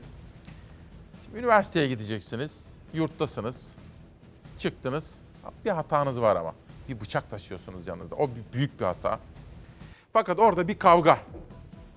Hayatın cilvesini size göstermek için anlatıyorum. Bir kadınla bir erkek kavga ediyor müdahale etmeniz gerekir, ayırmanız gerekir değil mi? Ayırıyor ama yanında taşıdığı bıçakla o erkeği öldürüyor. Kurtardığı kadın dün polis tarafından yakalanıyor. O kurtarılan kadın yani Kadir Şeker'in şu anda hapiste olmasının sebebi bu arada öbür adam da öldü, rahmetli oldu. O kadın dün bir arabanın içinde yarım kilo muydu, bir kilo muydu zehirle yani eroinle yakalanıyor. Uyuşturucu satmasına izin vermediği için benim çocuğumu yok ettiler. Kadir Şeker'i de katil olarak tuttular. Kadir Şeker olayında şiddete uğradığı ileri sürülen AD isimli kadın 10 ay sonra 900 gram uyuşturucuyla yakalandı. Kavgada hayatını kaybeden Özgür Duran'ın ailesi de savcılığa başvurarak Kadir Şeker'in kiralık katil olduğu iddiasında bulundu. Kadına şiddet diyerek gittiler olayın üzerine ama kadına şiddet yoktu. Darp raporu zaten elimizde. Konya polisi Karatay ilçesinde şüpheli bir aracı durdurdu. Araçta 1 kilograma yakın uyuşturucu madde ile geçirildi. Otomobildeki AD ile MH gözaltına alındı. Erkek zanlı MH uyuşturucu bana ait dedi. MH için imam nikahlı eşim diyen AD isimli kadınsa uyuşturucuyla bir ilgisinin bulunmadığını öne sürdü. AD Türkiye'nin günlerce konuştuğu kadına şiddet iddiası sonrası yaşanan cinayet olayında adı geçen kadındı. 20 yaşındaki Kadir Şeker 5 Şubat günü iddiasına göre kütüphane çıkışında parkta bir kadınla erkeğin tartıştığını gördü, müdahale etmek istedi. Boğuşma sırasında Özgür Duran kalbinden aldığı bıçak darbesiyle hayatını kaybetti. Kadir Şeker kasten adam öldürme suçundan tutuklandı. Mahkeme suçun haksız tahrik altında işlendiği gerekçesiyle Şeker'i 15 yıl hapse çarptırdı. Ceza iyi hal indirimiyle 12 yıl 6 aya düşürüldü. Azmettiren bunlardı. AD'nin uyuşturucuyla yakalanması üzerine ölen Özgür Duran'ın ailesi önemli bir iddiayla ortaya çıktı. Aile Kadir Şeker'in kiralık katil olarak bizzat AD tarafından tutulduğunu, buna dair ellerinde delil de olduğunu ileri sürdü. Anne Mübeyyen Güner Dalkılıç oğluyla birlikte AD hakkında savcılığa suç duyurusunda bulundu. Sabıkasız ve üniversite öğrencisi olan çocuğun bıçağı bu. 25 santim abimin kalbine saplıyor direkt. Herkes görsün. insanın nutku tutuluyor değil mi olup biten karşısında? İsmail Bey diyor Adalet Hanım hafta sonu açık lise sınavı yapılacak kızım şu anda yanımda çok merak ediyor diyor. Hemen arkadaşlarım takip ediyor. Mehmet Akif Kara Twitter'dan diyor ki sevgili İsmail Bey az evvel Atatürk Havalimanı'ndaki hastaneye ilişkin haklı bir soru sordunuz. Adana'daki belediye başkanının pandemi hastanesi ne oldu? Bir de onu sorsanız da rejiye yönetmenize diyor. Mehmet Akif Kara bunu rejiye sormama gerek yok. Yönetmene de gerek yok. Ben çünkü pazar günü Zeydan Karalar'la konuştum, sordum. Çünkü Adana'da vakalar patlamıştı. Ne oldu başkan dedim. Ne söyleyeyim ki İsmail Bey kardeşim ne söyleyeyim. Ben iyi niyetle yapmaya çalıştım. Fakat neler geldi başıma görüyorsun dedi. Böyle bir hareket. Siz ne diyorsunuz efendim? Bakın kim soruyor? Mehmet Akif Kara. Biraz sonra Harvard'dan Gökhan Otamışlıgil hocamızla bağlantı yapacağız ve koronaya ilişkin aşıya dair manşetleri konuşacağım. Bugün tanıtmak istediğim kitaplardan birisi de Leyla Ruken Yolcu'nun Kadın Kaos isimli kitabı. O da yazmış, imzalamış ve bana göndermiş. Kendisine çok teşekkür ediyorum efendim. Bir gün gazetesi bir esnaf manşeti kalmıştı. Okuyalım. Çarşı pazar öldü. Esnaf can çekişiyor. Hazırlayan Havva Gümüşkaya. Memleketin dört bir yanındaki esnaf sahici destek bekliyor. 9 aydır iş yapamayan küçük işletme sahibi ve çalışanları evlerine ekmek dahi götüremeyecek durumda. Pandeminin birinci dalgasını borçla ayakta kalarak aşan esnaf, iktidarın ilgisizliği yüzünden boğulmak üzere. Konuştuğumuz her esnaf tam anlamıyla isyanlarda diyor. Esnaf haberi var, onu sizlere anlatacağım. Hani biz bu iktidar iyi şeyler yaptığı zaman da bravo, iyi diyoruz, destek vermeye çalışıyoruz. Eksik bıraktığı zaman söyleyip tamamlatmaya çalışıyoruz. Yanlışsa yanlıştan dönmeleri için, yanlış hesap Bağdat'tan döner, uyarı görevimizi yapıyoruz. Şunu söyleyeyim, Fransa ve Kanada'nın liderlerinin açık açık söylediği gibi, gelişmiş demokrasi ve ekonomiye sahip ülkelerin liderlerinin, hükümetlerinin yaptığı gibi, çok açık bir şekilde bizimkiler şunu başaramadılar. İşini kapatan, işinden ve gelirinden olan vatandaşa ve esnafa, iş yeri sahibine doğrudan gelir sağlamak durumundaydık. Başkaları yaptı, biz yapamadık. Bu tesiste direkt hizmet veren 80 tane istihdamımız var ama mecbur olduğumuz tedarikçilerimiz var. Kasap, manav, şarküteri gibi tedarik zinciriyle ilgili ödemelerimizi de aksatmamamız lazım. Eğer bizim sektörümüz bu aksatmalara başlarsa bu domino etkisiyle çiftçiye kadar ulaşan bir nakit sıkışıklığına yol açabilir. Endişemiz biraz da bu. Domino'da onların da taşı olduğu unutuldu. Devrildiklerinde tarlaya kadar uzanıyor etkisi. Fabrikalarda çarklar dönüyor ama en az bir fabrika kadar çalışanı olan büyük işletmelerin duvarında artık sadece bir tabela Güvenli turizm. Onların da kapıları kapandı. Paket servisin kurtaramayacağı büyük restoranlar çıkmazda. Üstelik sanılanın aksine sayıları az da değil.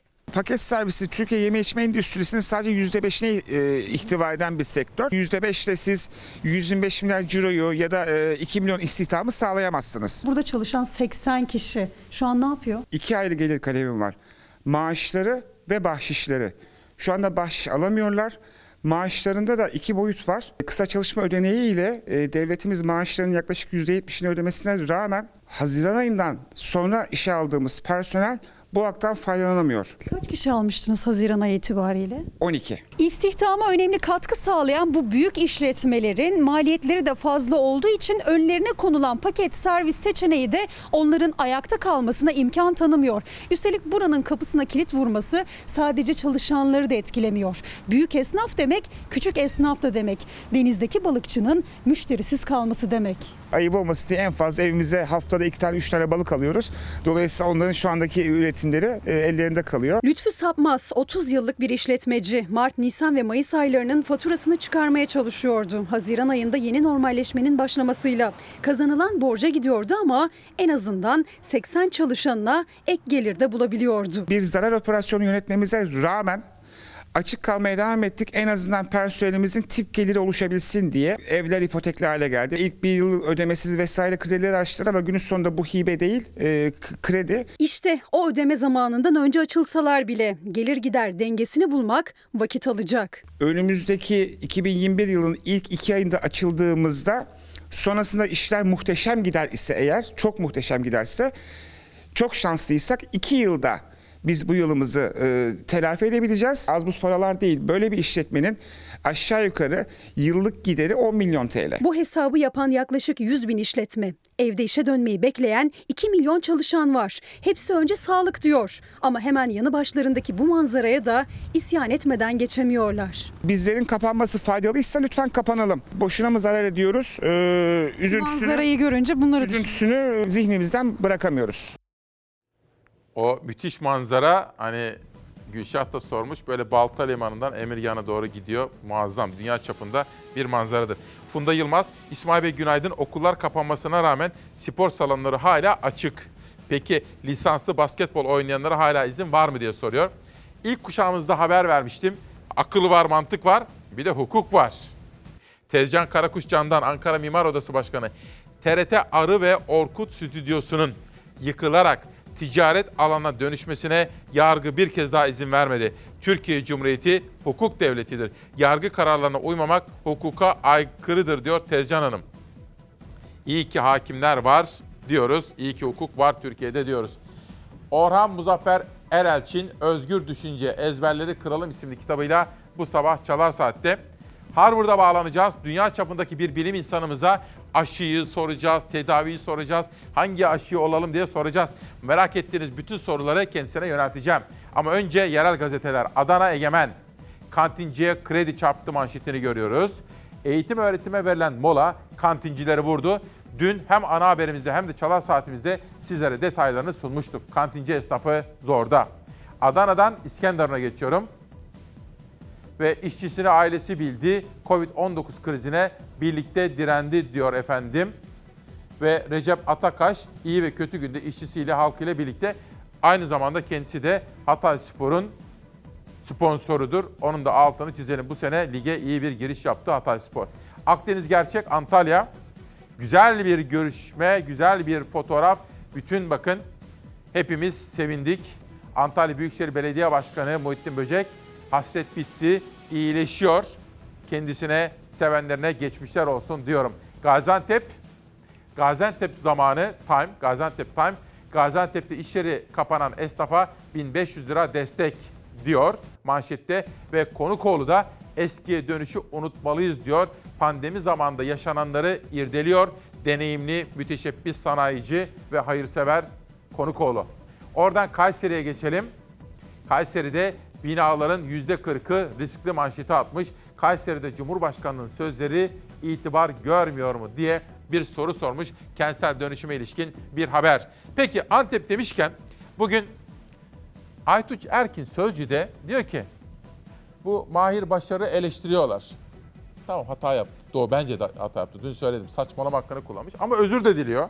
Hata yaptığını, ifade etmek istediğini yanlış ifade ettiğini söylüyor. Tamam. Ama Aytuş diyor ki onu bugün linç edenler geçmişte bu ülkenin Genelkurmay Başkanı FETÖ tarafından cezaevine atılırken kahraman Mustafa Kemal'in askerleri cezaevine FETÖ tarafından tıkılırken sesini neden çıkarmadı diye soruyor. Madem orduyu savunacaklar. Haklı ve yerinde bir soru. Sözcüden sabaha geçiyorum. Sabah gazetesinin başyazarı Mehmet Barlas da bugün iyi şeyleri de konuşmamız gerekir diyor. Esnafı destekleyelim diyor. Esnaf zor durumda diyor. Ve Gaziantep'ten yola çıkarak Fatma Şahin'in esnaf için attığı adımları örnek veriyor Mehmet Barlas. Kıymetli hemşehrilerim, bugün Ticaret Odası Başkanımız, Esnaf Bilgisayarı Başkanımız, Lokantacılar Oda Başkanımız, Kadın ve Erkek Kuaförler Oda Başkanımız ve Kahveciler Oda Başkanımızla güne başladık. Gaziantep Büyükşehir olarak biz de aldığımız kararlar var. Bu kararları e, sizlerle paylaşmak istiyoruz. Tabii e, Sayın Cumhurbaşkanımızın liderliğinde bilim kurulundan alınan kararlar var. Bir taraftan maske, mesafe, temizlik değil, e, bir an önce bu musibetten kurtulmak istiyoruz. Gaziantep Büyükşehir olarak e, halkımızdan, şu andaki zor durumda e, yaşayan esnafımızdan bize dair olan giderleri almayacağız. İkincisi, tabii kapanan iş yerleri var. Kapanan iş yerlerine de, iş yeri sahiplerine de sosyal destek vermek arzusundayız. E, o yüzden her iş yerine, kapanan her iş yerine 1500 lira e, destek vermeyi e, şu anda başkanlarımızla yaptığımız istişare sonunda karar verdik. E, Bunun e, önemli bir e, zor zamanda bir destek olacağını düşünüyorum.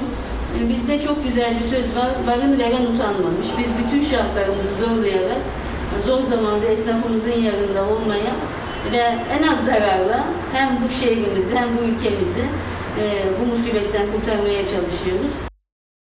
Antep'ten bir haber ve başyazı böyle. Yıllar evvel Ural Akbulut hocamız, ODTÜ'nün rektörü, çok başarılı. Murat Yetkin var, ben varım. Bir gazeteci arkadaşım daha var ama, ama kim olduğunu hatırlamıyorum. Uzun yıllar olmuş. Bizi davet etti. Dedi ki sizi bir bilim insanıyla tanıştıracağım. Harvard'dan geliyor dedi. Gittik Eymür'de oturduk. Eymür'deydi galiba. ODTÜ'nün yeri vardı ya orada korudukları çok güzel. Orada biz Gökhan Hotamışlıgil ile tanıştık. Yaptıklarını anlattı, çalışmalarını. Ural Hoca dedi ki, şimdi onu kimse tanımıyor ama ileride herkes adını çok duyacak.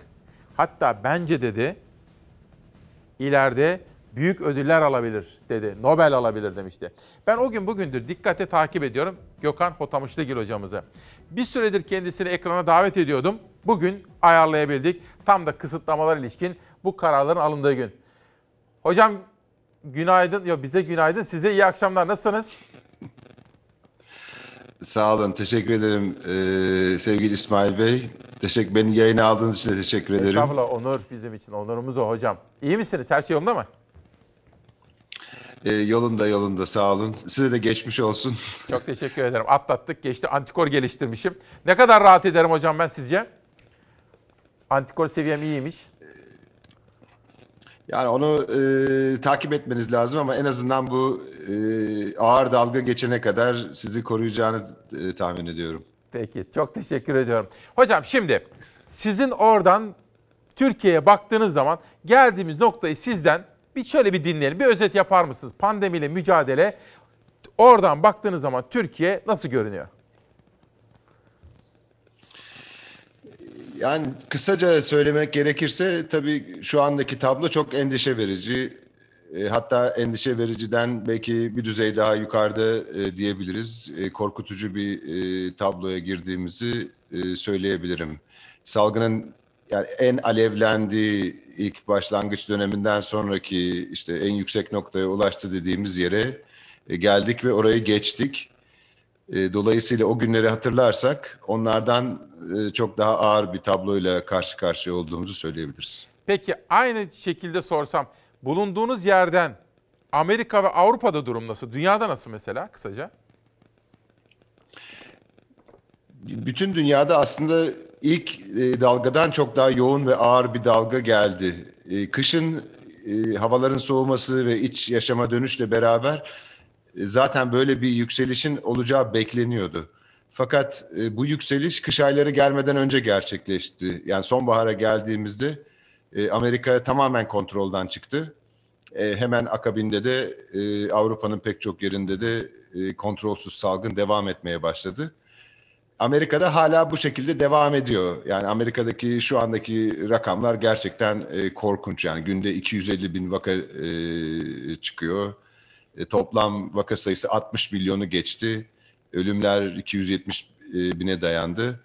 Ve e, yani merkezi hükümet tarafından da e, ortaya konan herhangi bir e, plan ve uygulama yok. Dolayısıyla Amerika'daki e, kontrolsüz salgın devam ediyor. Avrupa'daki durum biraz daha farklı. Yani birkaç ülkenin çok ağır krize girdiğini gördük. Hem Avrupa'da işte Çek Cumhuriyeti gibi, Hollanda gibi, e, hatta şu anda İspanya, Fransa e, gibi, e, Avrupa dışında İsrail gibi. Fakat buralarda e, ciddi önlemlerle e, bu e, çıkış durduruldu. E, yani tablo çok korkunç ve kontrolsüz gitmesine rağmen çaresi yok değil. E, doğru et, e, etkin önlemler alındığında durdurulabiliyor, geri döndürülebiliyor. Hocam dün akşam Bakanlar Kurulu'ndan sonra Sayın Erdoğan bir takım açıklamalar yaptı ve bazı kısıtlamaları duyurdu.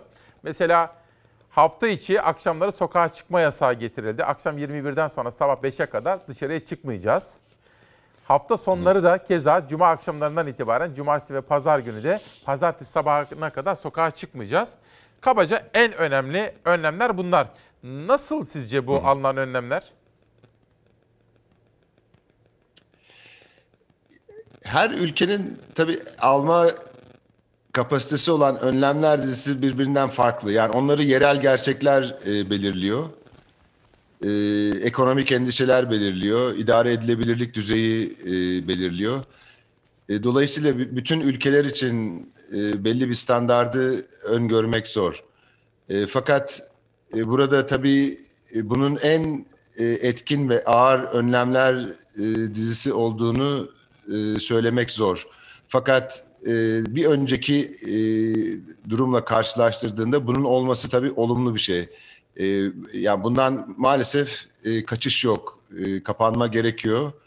Kapanmanın da mümkün olan en etkin ve akılcı şekilde yapılması gerekiyor. Yani burada tabii olumlu şeyler de var. Ben bütün ayrıntılarını bilmiyorum. Çok yeni ilan edildiği için. Ama bildiğim kadarıyla bazı olumlu şeyler var. Bazı e, olsa daha iyi olduğunu düşündüğüm e, konular da var. E, özellikle ya burada en hayati nokta e, insanların kapalı ve dar alanlarda yoğun bir şekilde bir araya geldikleri ortamların ortadan kalkması gerekiyor. Yani bunun e, salgının yayılımında bir numaralı oyuncu olduğu e, evrensel olarak biliniyor. E, bunlar da nerelerde oluyor? İşte insanların topluca buluştuğu yerlerde, örneğin restoranlar, barlar, kafeler e, vesaire gibi, e, alışveriş merkezleri e, gibi, e, ibadet e, alanları gibi e, ve de eğlence için bir araya gelen daha keyfi amaçlarla işte düğünler, dernekler, kutlamalar vesaireler e, veya e, siyasi nedenlerle bir araya geldi ki bunun mesela Amerika'da e, çok büyük örneklerini gördük. Seçim Örneğin vardı. Trump hükümetinin yaptığı büyük e, mitingler sırasında e, şu andaki tahminlere göre e, yarım milyon en az yarım milyon insana bulaş e, bulaşa sebep verdiği düşünülüyor. Dolayısıyla yani bu tür e, e, bunlar en ana e, e, oyuncular ve bunları tamamen ya da tamam tamama yakın bir şekilde kısıtlamadan e, belli bir süre içerisinde bu kadar yoğun e, bulaş gösteren bir e, salgın salgını durdurmak çok zor. E, aslında çok şaşırtıcı olan e, yine Amerika örneğinden yola çıkarsak örneğin okullar yani ilk ö- öğretim okulları e, salgının yayılımına katkıda bulunmadı.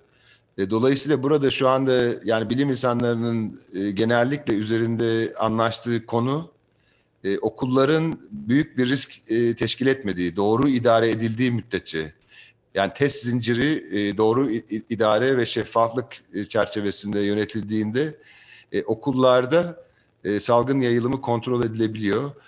Fakat biraz önce saydığım diğer ortamlarda ki bunların arasında işte spor müsabakaları, yarışmalar vesaireler de dahil olmak üzere buralarda salgın kontrolü çok zor oluyor. Evet. Kıymetli hocam, şimdi Yani buradan yola çıkarsanız Evet. bazı e, eksik tarafları veya belki e, ileride tekrar üzerine eklenebilecek bazı noktaları e, çıkartmak mümkün. Yani bu toplu çok sayıda insanın bir araya geldiği ortamların neler olduğunu hepimiz biliyoruz zaten. Evet, Bunları e, mümkün olduğunca engellemek gerekiyor. Hocam bu sabah ben izleyicilerimize de sorduğum zaman tabii biz etkileşim halindeki bir Çalar Saat ailesiyiz.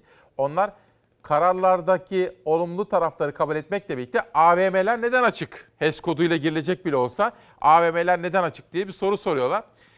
En fazla konuşulan konu aşı. Hocam önce şunu çok merak ediyorum. Siz bir bilim insanısınız ve büyük çalışmaların içerisindesiniz bir ekip olarak. Çok merak ettiğim soru. Siz aşı olacak mısınız? Korona aşısı.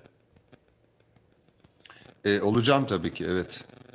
Peki hangi aşıyı olalım diye şu anda Türkiye'de en çok bu konuşuluyor. Hocam sanki biz milyonlarca aşıyı getirtebildik. Tabii grip aşısı olamadı bizim insanlarımızın büyük bir bölümü ama hadi diyelim biz koronaya ilişkin aşıları getirdik. Soru şu hocam. En bilimsel bakış açısıyla merak ediyorum. Diyorlar ki bizim izleyenlerimiz ve Türkiye'de insanlar. Çin aşısı mı olalım? Rus aşısı mı olalım? Almanya'daki Türk bilim insanlarının bulduğu aşıdan mı olalım? İngiltere'de Oxford'daki aşıdan mı olalım? Amerika'ya gidip yani Amerika'nın Moderna'sı aşısından mı, Moderna aşısından mı olalım? Hangisinden olacağız? Ya sevgili İsmail Bey, buna ş- şöyle cevap vermek lazım. Yani her e, ilaç seçiminde veya aşı seçiminde yani evrensel olarak belirlenmiş, e, çok uzun süre e, edinilmiş deneyimlerden kaynaklanan bazı e, karar mekanizmaları var. E, dolayısıyla yani şu aşı bu aşı e, diye e, isimlendirmek yerine bu evrensel kriterleri hangi e, aşı veya ilaç e, yerine getirmişse e, tabii ki en doğru olan e, bu aşıların seçimi. E, onlar da nedir? E, zaten şu anda yani kamuoyu bu konuda çok bilgilendi. Evet. E, aşının belli bir gelişme süreci var. İşte aşının ilk önce üretilmesi ki o, o en basit e, olan kısmı. E, daha sonra işte hayvanlarda denenmesi, de arkasından güvenlik deneylerinin yapılması, arkasından e, etkinlik deneylerinin yapılması. Yani en son karar aşamasına geldiğinde de en meşakkatli ve e, zor olan fakat karar için en önemli olan da faz 3 çalışmalarının tamamlanmış olması ve bu tamamlanan sonuçların bağımsız hem e, bağımsız bilimsel kurullar tarafından denetlenmesi hem de bağımsız onay kurumları tarafından onaylanması gerekiyor. Dolayısıyla bu kriterlere e, uyuyorsa yani faz 3 çalışmasını tamamlamışsa, güvenlik e, kriterlerini e, geçmiş ise, etkinlik e, düzeyi kabul edilebilir bir yerde ise ki belki bunu hatırlamakta fayda var. Bu aşılar e, başlangıç dönemindeyken hepimiz yüzde 50 etkinliği olacak bir aşıya razıydık. E, tıpkı e, işte mevsimlik e, grip nezle aşılarında e, olduğu gibi yani onlardaki etkinlik yüzde 40 ile 60 arasında e, değişiyor ve milyonlarca insanın yaşamını kurtarıyor. Dolayısıyla biz e, etkinlik açısından buna razıydık. Hatta risk açısından bile ufak tefek e, yan etkileri e, katlanabilir olduğunu düşünüyorduk. E, bunlar e, bu kriterler yerine geldikten sonra da e, bu aşılar onaylanıyor ve dağıtımı başlıyor. Şu anda bu noktaya gelmiş olan e, üç tane aşı var e, e, dünyada. Hatta bu çok taze bir bilgi. Yani e, Hangileri bugün onlar? öğleden sonra e, iki tanesi bu e, RNA e, teknolojisiyle üretilmiş olan biri BioNTech ve e, Pfizer'in ortaklaşa e, ürettiği e, aşı. İkincisi faz 3 sonuçlarının e, tamamlanmış faz 3 sonuçlarının e, açıklandığı, bugün açıklandığı e, Amerika menşeli olan Moderna şirketi. Bir de Oxford ve e, AstraZeneca'nın ortaklığıyla e, ortaya çıkarılan üç, üçüncü aşı. E, bunların bunların bile henüz yani faz 3 datalarının tamamını e, bilimsel bir mecrada görmedik. Fakat e, yeterince e, veri geldi ve bilimsel değerlendirmeleri bağımsız e, kuruluşlar tarafından yapıldı. Ve e, bu e, özellikle RNA'ya dayalı aşılardan gerçekten inanılmaz derecede olumlu bir e, profil ortaya çıktı. Dün zaten bütün E, bu- dünyada da onun sevinci vardı. Hocam hiç Çin aşısından bahsetmediniz. Çin, oradaki durum ne? Ya Çin aşı- aşısından bahsetmedim çünkü e, Çin aşısıyla ilgili bilgi henüz yok. E, yani elimizde olan bilgiler e, bizim işte bilimsel e, network'ten e, duyduğumuz veya işte kulaktan kulağa e, duyduğumuz e, bir takım e, bilgiler var. Nasıl bir e, menşei ol- olan Çin'de tabii birden fazla aşı var yani Çin'de en önde giden iki tane aşı var. E, bir tanesi e, devletin de e, ortak olduğu bir aşı programı. Biri de özel sektörün e, gerçekleştirdiği Sinovac isimli bir şirketin e, yaptığı aşı var. E, bunların tabii hem menşeileri hem e, moleküler e, kimlikleri farklı. E, Sinovac aşısından bahsediyorsak eğer o e, ölü virüsle e, üretilmiş bir aşı. E, ve şu anda çok yaygın olarak e, uygulanıyor. Yani Çin'in içerisinde de e, uygulandığı söyleniyor fakat orada bir bazı şeffaflıkla ilgili problemler olduğu için ve Çin'de de vaka olmadığı için çalışmaların büyük bir kısmı e, başka ülkelerde yapılıyor. Brezilya'da, Orta Doğu'da e, bir takım e, klinik çalışmalar yapılıyor. Dolayısıyla Fakat siz bunların değerlenip. Veri, veri az oradan. Anladım. Evet yani derlenip toplanmış faz 3 sonuçlarını görmedik. Dolayısıyla orada iyi ya da e, kötü e, bir şey söylemek mümkün değil. E, fakat Çin'in uygulamasına bakarsanız Evet. yani Çin e, önümüzdeki aylarda 600 milyon ile 1 milyar doz e, arasında üreteceğini iddia ediyor. E, ve birçok e, ülkeye bu aşıyı tedarik ediyor. Dolayısıyla kendi içerisinde yüz binlerce belki milyonlarca insana bu aşının uygulaması yapılmış vaziyette. Dolayısıyla Çin'in elinde e, şu ana kadar bu bilginin e, toplandığını ve yakın bir zamanda da açıklanacağını tahmin ediyorum. E, kesin bir e, söylemde bulunmak için tabii o veriyi görmemiz lazım. Anladım. E, fakat ciddi bir yan etki de olsaydı diye düşünüyorum. Yani iyimser bir taraftan bakarsak, Evet. e, tabii bu kadar e, kendi insanlarına milyonlarca doz e, aşıyı e, uygulamaya kalkışmazlardı diye e, e, yorumluyorum. Fakat bu tabii ki bir spekülasyon. Yani önerelim mi, önermeyelim mi, nasıl bir aşıdır veriyi görmeden bu söylemek mümkün değil. Peki. Hocam şimdi olağanüstü bir ilgi var. Adeta soru bombardımanı var. Fakat ben sizi iyi dinlemek istiyorum. Böyle can kulağıyla dinlemek, ben de öğrenmek istiyorum. Ve sözlerinizden sorular çıkarmak istiyorum. Aşı, ağırlıklı olarak aşı sorusu. Ama ben canlı yayın içerisinde hata yapmayayım. Bir izin verirseniz bir reklam arası vereyim. O reklam arası sorulara şöyle bir bakayım. Mesela şunu soruyorlar. Kimler aşı olmalı? Aşı ne kadar koruyucu? Neden iki doz aşı olacak? Ve aşıdan sonra neler yaşayacağız? Bu yeni normale nasıl döneceğiz? Kabaca gördüklerim bunlar ama bir izin verirseniz ben bunlarla ilgili birazcık çalışayım. Reklamlardan sonra devam edelim. Olur mu hocam? Çok Tamam, teşekkür tabii. ediyorum. Ve Harvard'dan kıymetli hocamızla Gökhan Hotamışlıgil hocamızla devam edeceğiz. Bu arada bir kitap tanıtımı yapayım. Ben sorularınıza bakacağım. Ayrıca şimdi editörümden de rica edeceğim. En çok gelen aşı dışındaki sorulardan biri seyahat kısıtlaması ile ilgili. Kafa karışıklığı var. Tabii bence burada hata yapıyor iktidar. İki defadır adeta dört bilinmeyenli denklem gibi yapıyorlar bu açıklamaları. Yok şu saatten şu saate böyle, seyahat kısıtlaması böyle. Bunları daha net, daha anlaşılır yapamıyorlar efendim. Bakın bunu açık açık söyleyeyim. Ama ben reklamlardan sonra size seyahat kısıtlamasına ve seyahat iznine ilişkin detayları anlatacağıma söz veriyorum. Bugünkü bir kitap tanıtımı Sahrap Soysal, Anadolu mutfağımızın lezzetli ve sağlıklı reçeteleri. Kendisini Fox ekranlarından da iyi tanıyorsunuz. Güler yüzüyle bir gün hiç unutmam İlber Ortaylı hocamız bizim yayınımıza gelmişti. Sahrap Hoca da şurada yan stüdyoda kuru fasulye yapmıştı. Hocamın canı çekmiş. Burada o kadar güzel iştahlı yemişti ki ondan sonra Sahrap Hanım'a teşekkür ede ede. Bu arada İlber Ortaylı hocamıza da sevgilerimizi, saygılarımızı sunuyoruz. Reklam arasında ben şu sorulara birazcık çalışacağım. Aşı ile ilgili merak ettiğiniz bir şey varsa bana sorabilirsiniz. Yeni bir ay, 1 Aralık, Kasım'ı devirdik. 1 Aralık 2020 Salı sabahında İsmail Küçükkaya ile mavi bir sabahtasınız, hakikat yolculuğundasınız. Dışarıda soğuk bir hava var, yağışlı. Çorlu'dan, Tekirdağ'dan yazan izleyenlerimiz havanın buz gibi olduğunu söylüyorlar. Şu andan itibaren Savaş Yıldız kardeşim yönetmen koltuğunda dışarıda gerçek bir kış havası var efendim. Ve bugün ana gündem maddemiz korona ile mücadele. Harvard'dan dünya çapındaki bir bilim insanımız olan Gökhan Hotamışlıgil hocamızla konuşuyoruz. Reklam arasında sizlerden gelen sorular ağırlıklı olarak aşı. Şu, hocamıza soracağım onları. Mesela ne var? Bu test ne kadar koruyucu? Neden iki doz? Peki ben bu aşıyı olayım mı? Hangi aşıyı olayım onları yanıtladı. Ama şunu yanıtlamasını rica edeceğim hocamdan. Bu aşının yan etkisi var mı? Bir bilim insanı olarak Gökhan hocamız bize bunu özetleyecek. Ama önce günün Çalar Saat gazetesi. Bugün de Orkun Özgül kardeşim çizdi manşeti. Gazetenin böyle olma fikri Nihal Kemaloğlu'na ait. Zeray Kınacı bütün çalışmalarını yaptı. Bütün ekip arkadaşlarıma çok teşekkür ediyorum. Bence çarpıcı bir manşet oldu.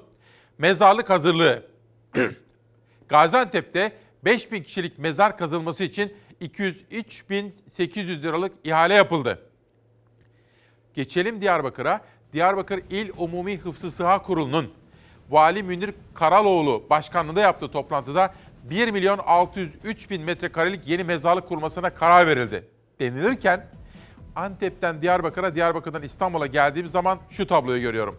İBB Mezarlıklar Daire Başkanlığı 30 Kasım 2020 günü İstanbul'da 213 kişinin salgın hastalıklar nedeniyle hayatını kaybettiğini açıkladı. Toplam hayatını kaybeden kişi sayısı İstanbul'da 421.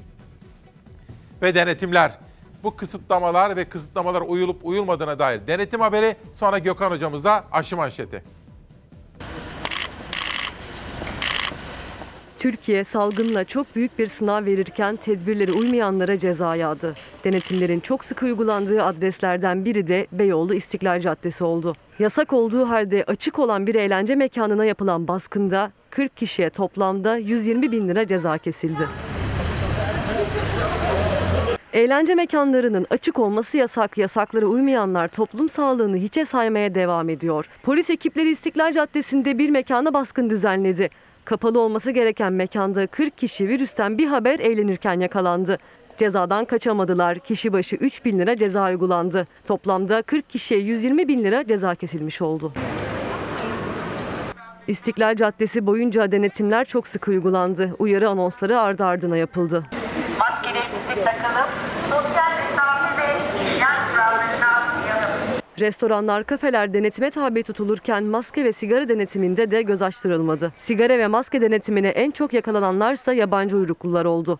Yasaklardan haberi olmadıklarını ifade ettiler. Law. Polis tarafından ceza kesilen bir kişi de çekim yapan basın mensuplarına tepki gösterdi.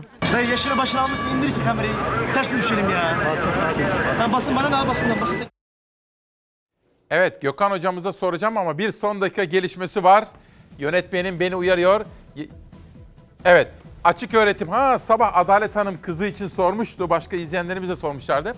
Önümüzdeki hafta sonu Aralık'ın ilk haftasında 4-5 Aralık'ta Cumartesi Pazar açık öğretim sınavları vardı. Açık öğretim ortaokul ve lise sınavları ertelendi. Bunu tekrar ediyorum. Son dakika olarak verelim. Açık öğretim, ortaokul ve lise sınavları ertelendi. Şimdi Harvard Üniversitesi'ne dönüyoruz. Gökhan Hotamışlıgil hocamıza soralım. Hocam, şimdi bu aşı ne kadar koruyacak bizi? Bunu bir anlatır mısınız? Ya onu isterseniz şöyle anlatayım. Tabii e, bugün açıklanan e, aşının sonuçları yani bu herkese bir fikir verebilir. E, Moderna'nın yapmış olduğu faz 3 çalışmasının özeti şu şekilde. Yani burada 30 bin kişi üzerinde faz 3 çalışması yapılıyor. Bunlardan 15 bin tanesi aşı e, alıyor. 15 bin tanesi de içerisinde aşı olmayan e, kontrol e, maddesi alıyor. Bu daha önceden belirlenen e, sayı 196 tane enfeksiyon çıktığı zaman bu grubun içerisinde e, faz 3 tamamlanmış oluyor. 196 eşiğine gelindiği zaman e, hastalara bakıldığında bu 196 hastadan sadece 11 tanesi aşı olan grupta, 185 tanesi ise kontrol grubunda çıkıyor. Yani bu da eşittir yüzde 94 e, etkinliğe karşılık geliyor. Yani aşı alan grupta hastalık görülme oranıyla aşı almayan grupta hastalık görülme oranının e, karşılaştırılması sonucu bu e, veri elde ediliyor. Burada tabii önemli bir e, unsur da Bu 110 196 vakadan sadece 30 tanesi ağır seyirli e, vaka olarak görülüyor ve bu 30'un 30'u da kontrol grubunda görülüyor. Yani aşı olan e, grupta ağır hastalığa rastlanmıyor. Bu e, eşiğe geldiği zaman.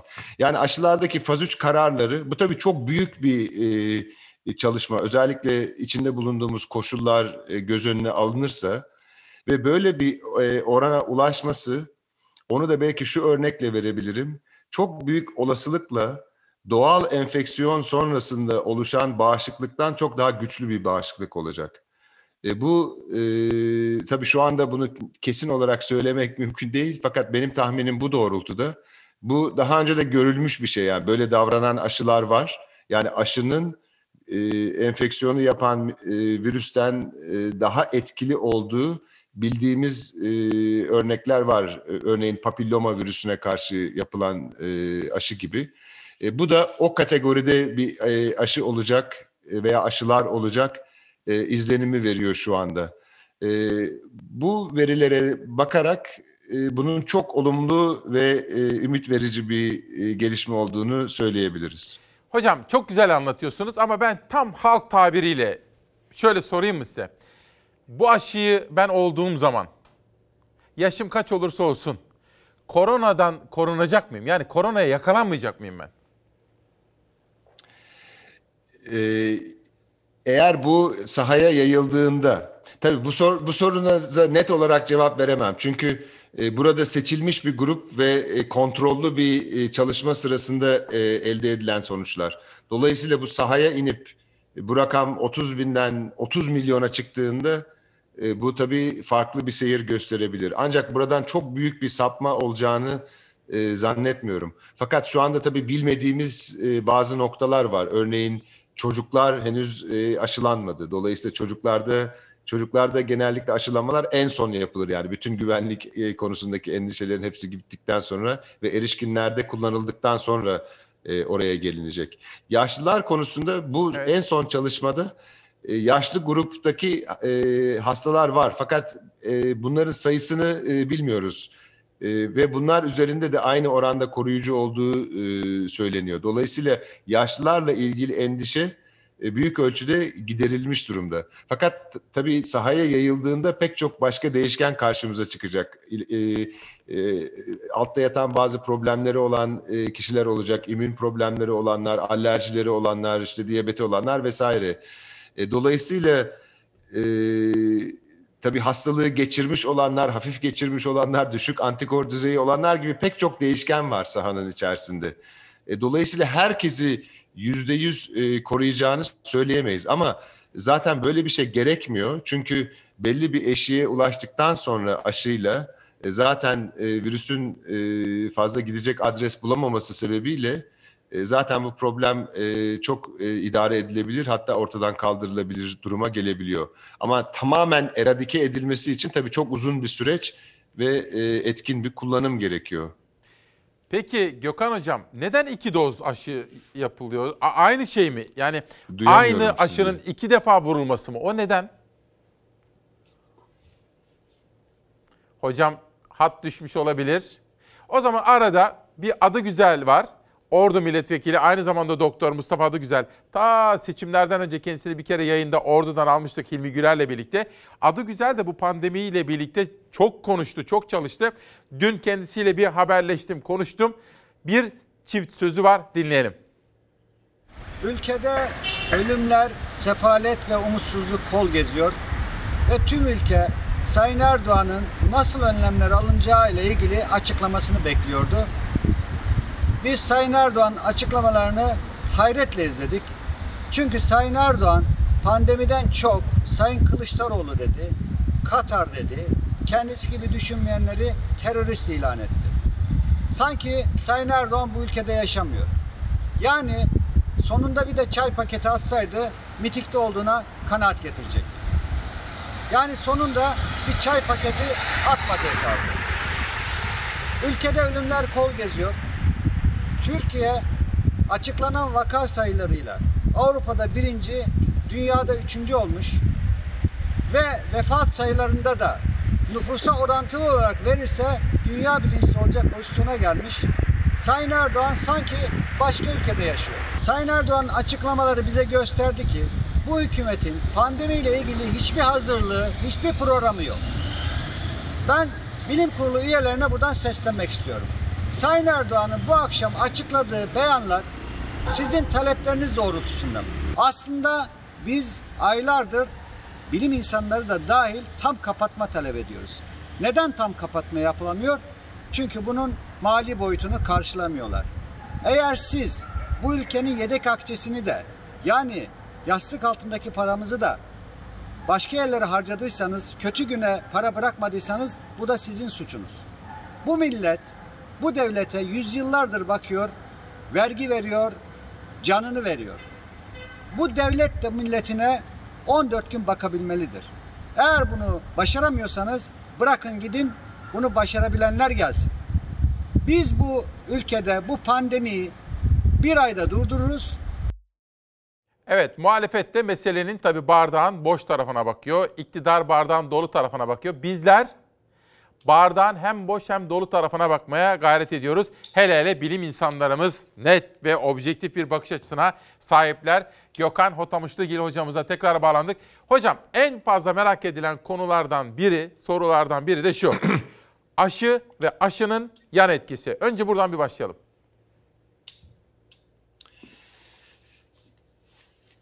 Ee, sevgili İsmail Bey, ben yine eldeki verilere dayalı olarak e, e, söyleyeyim. E, hem BioNTech, Pfizer'in aşısında hem de e, Moderna'nın aşısında ki bu aslında çok ilginç bir deney. Çünkü her ikisinin de e, kullandıkları aşının moleküler mahiyeti birbirinin hemen hemen aynısı. E, Dolayısıyla birbirinden bağımsız olarak tekrarlanabilir sonuçlar var elimizde. Dolayısıyla benim için en önemli kriterlerden bir tanesi bu. Burada görülen yani aşının ciddi bir yan etkisinin şimdiye kadar oluşmaması.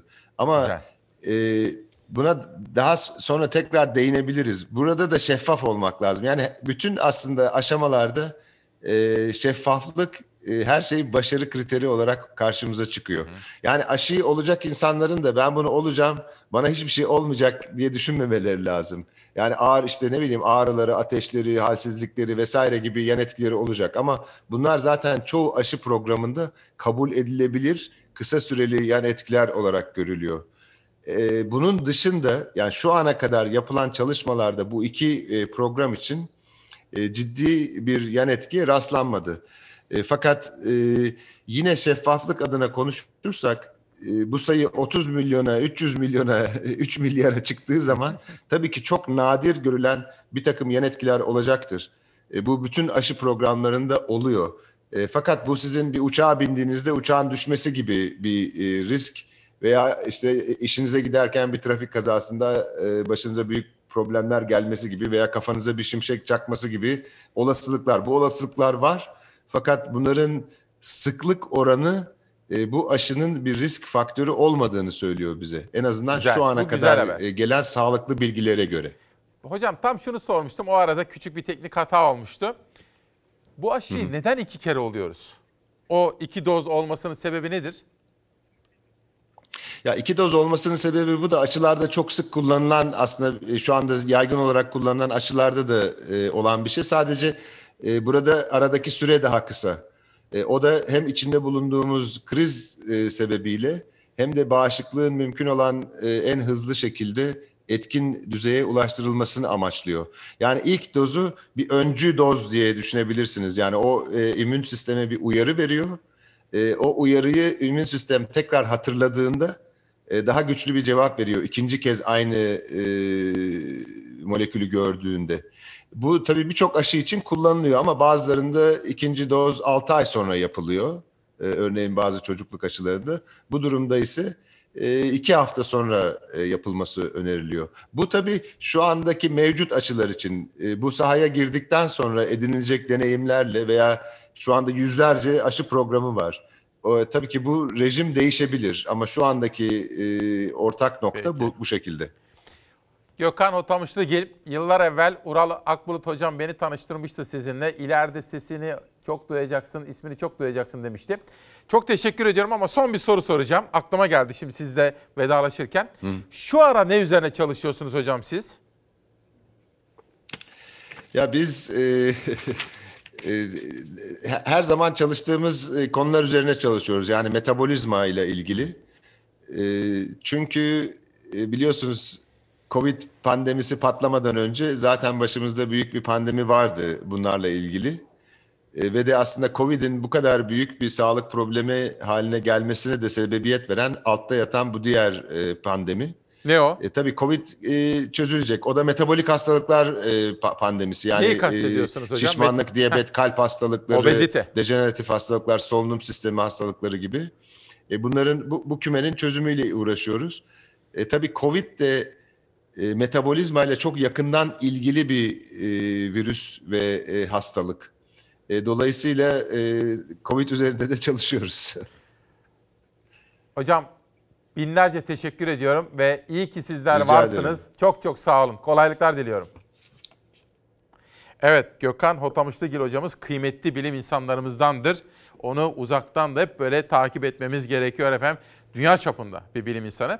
Bugün sabah saatlerinde bazı bilgiler verdim. Sizlerin kafasında bir karışıklık var. Tabii iktidarın iyi yaptığı şeyler var ama şu 2-3 defadır pandemiyle mücadelede alınan önlemleri doğru düzgün açıklayamıyorlar. Onu söyleyeyim. Böyle basit, yalın, net, hiç kimsenin kafası karışmayacak şekilde açıklayamıyorlar. Bu da biraz böyle bence süreç yönetimiyle ilgili bir sorun. Hani yaptık, toplandık hemen hop çala kalem. Öyle olmuyor işte. Kafa karışıklığı. Kızmasınlar. Doğruyu söylüyoruz. Bakın ben şimdi arkadaşlarımdan rica ettim. Zafer Söken çalıştı ve bu Orkun'la birlikte kısaca şöyle özetlemeye çalışayım.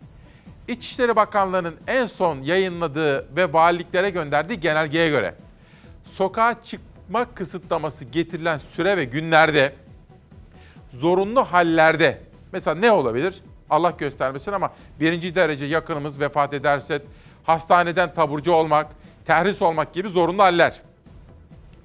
Bu hallerde tabii mazeretimiz var demektir. Şehirler arası seyahatlere izin verilecek.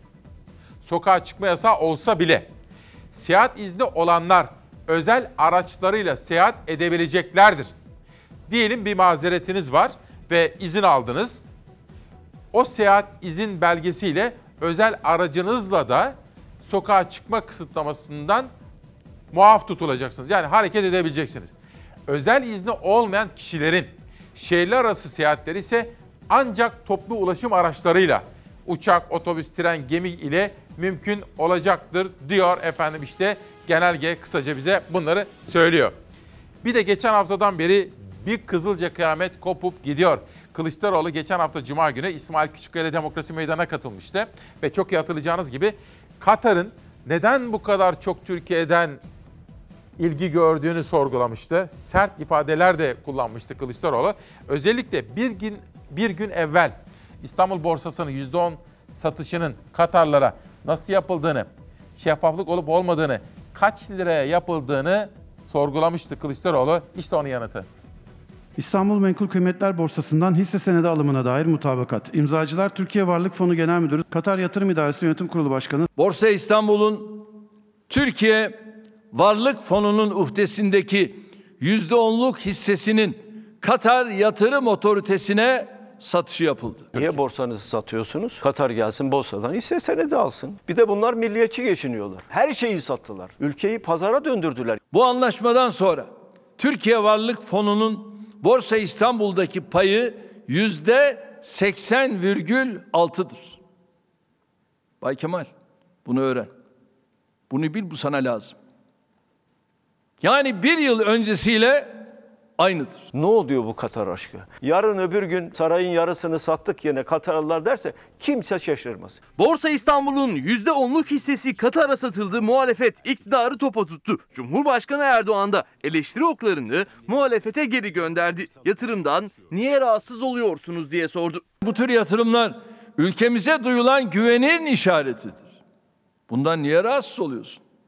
Biz uluslararası yatırımcıların bu ülkeye yatırım yapmasından mutlu oluruz. Ancak en azından bir rakamını, boyutunu, fiyatını açıklayın. Bunda gizleyip saklayacak ne var? Kabine toplantısı sonrası yaptığı konuşmada %10'luk Borsa İstanbul hissesinin ne kadara satıldığını açıklamadı Erdoğan. Konuşmasından dakikalar sonra o bilgi kamuoyuyla paylaşıldı.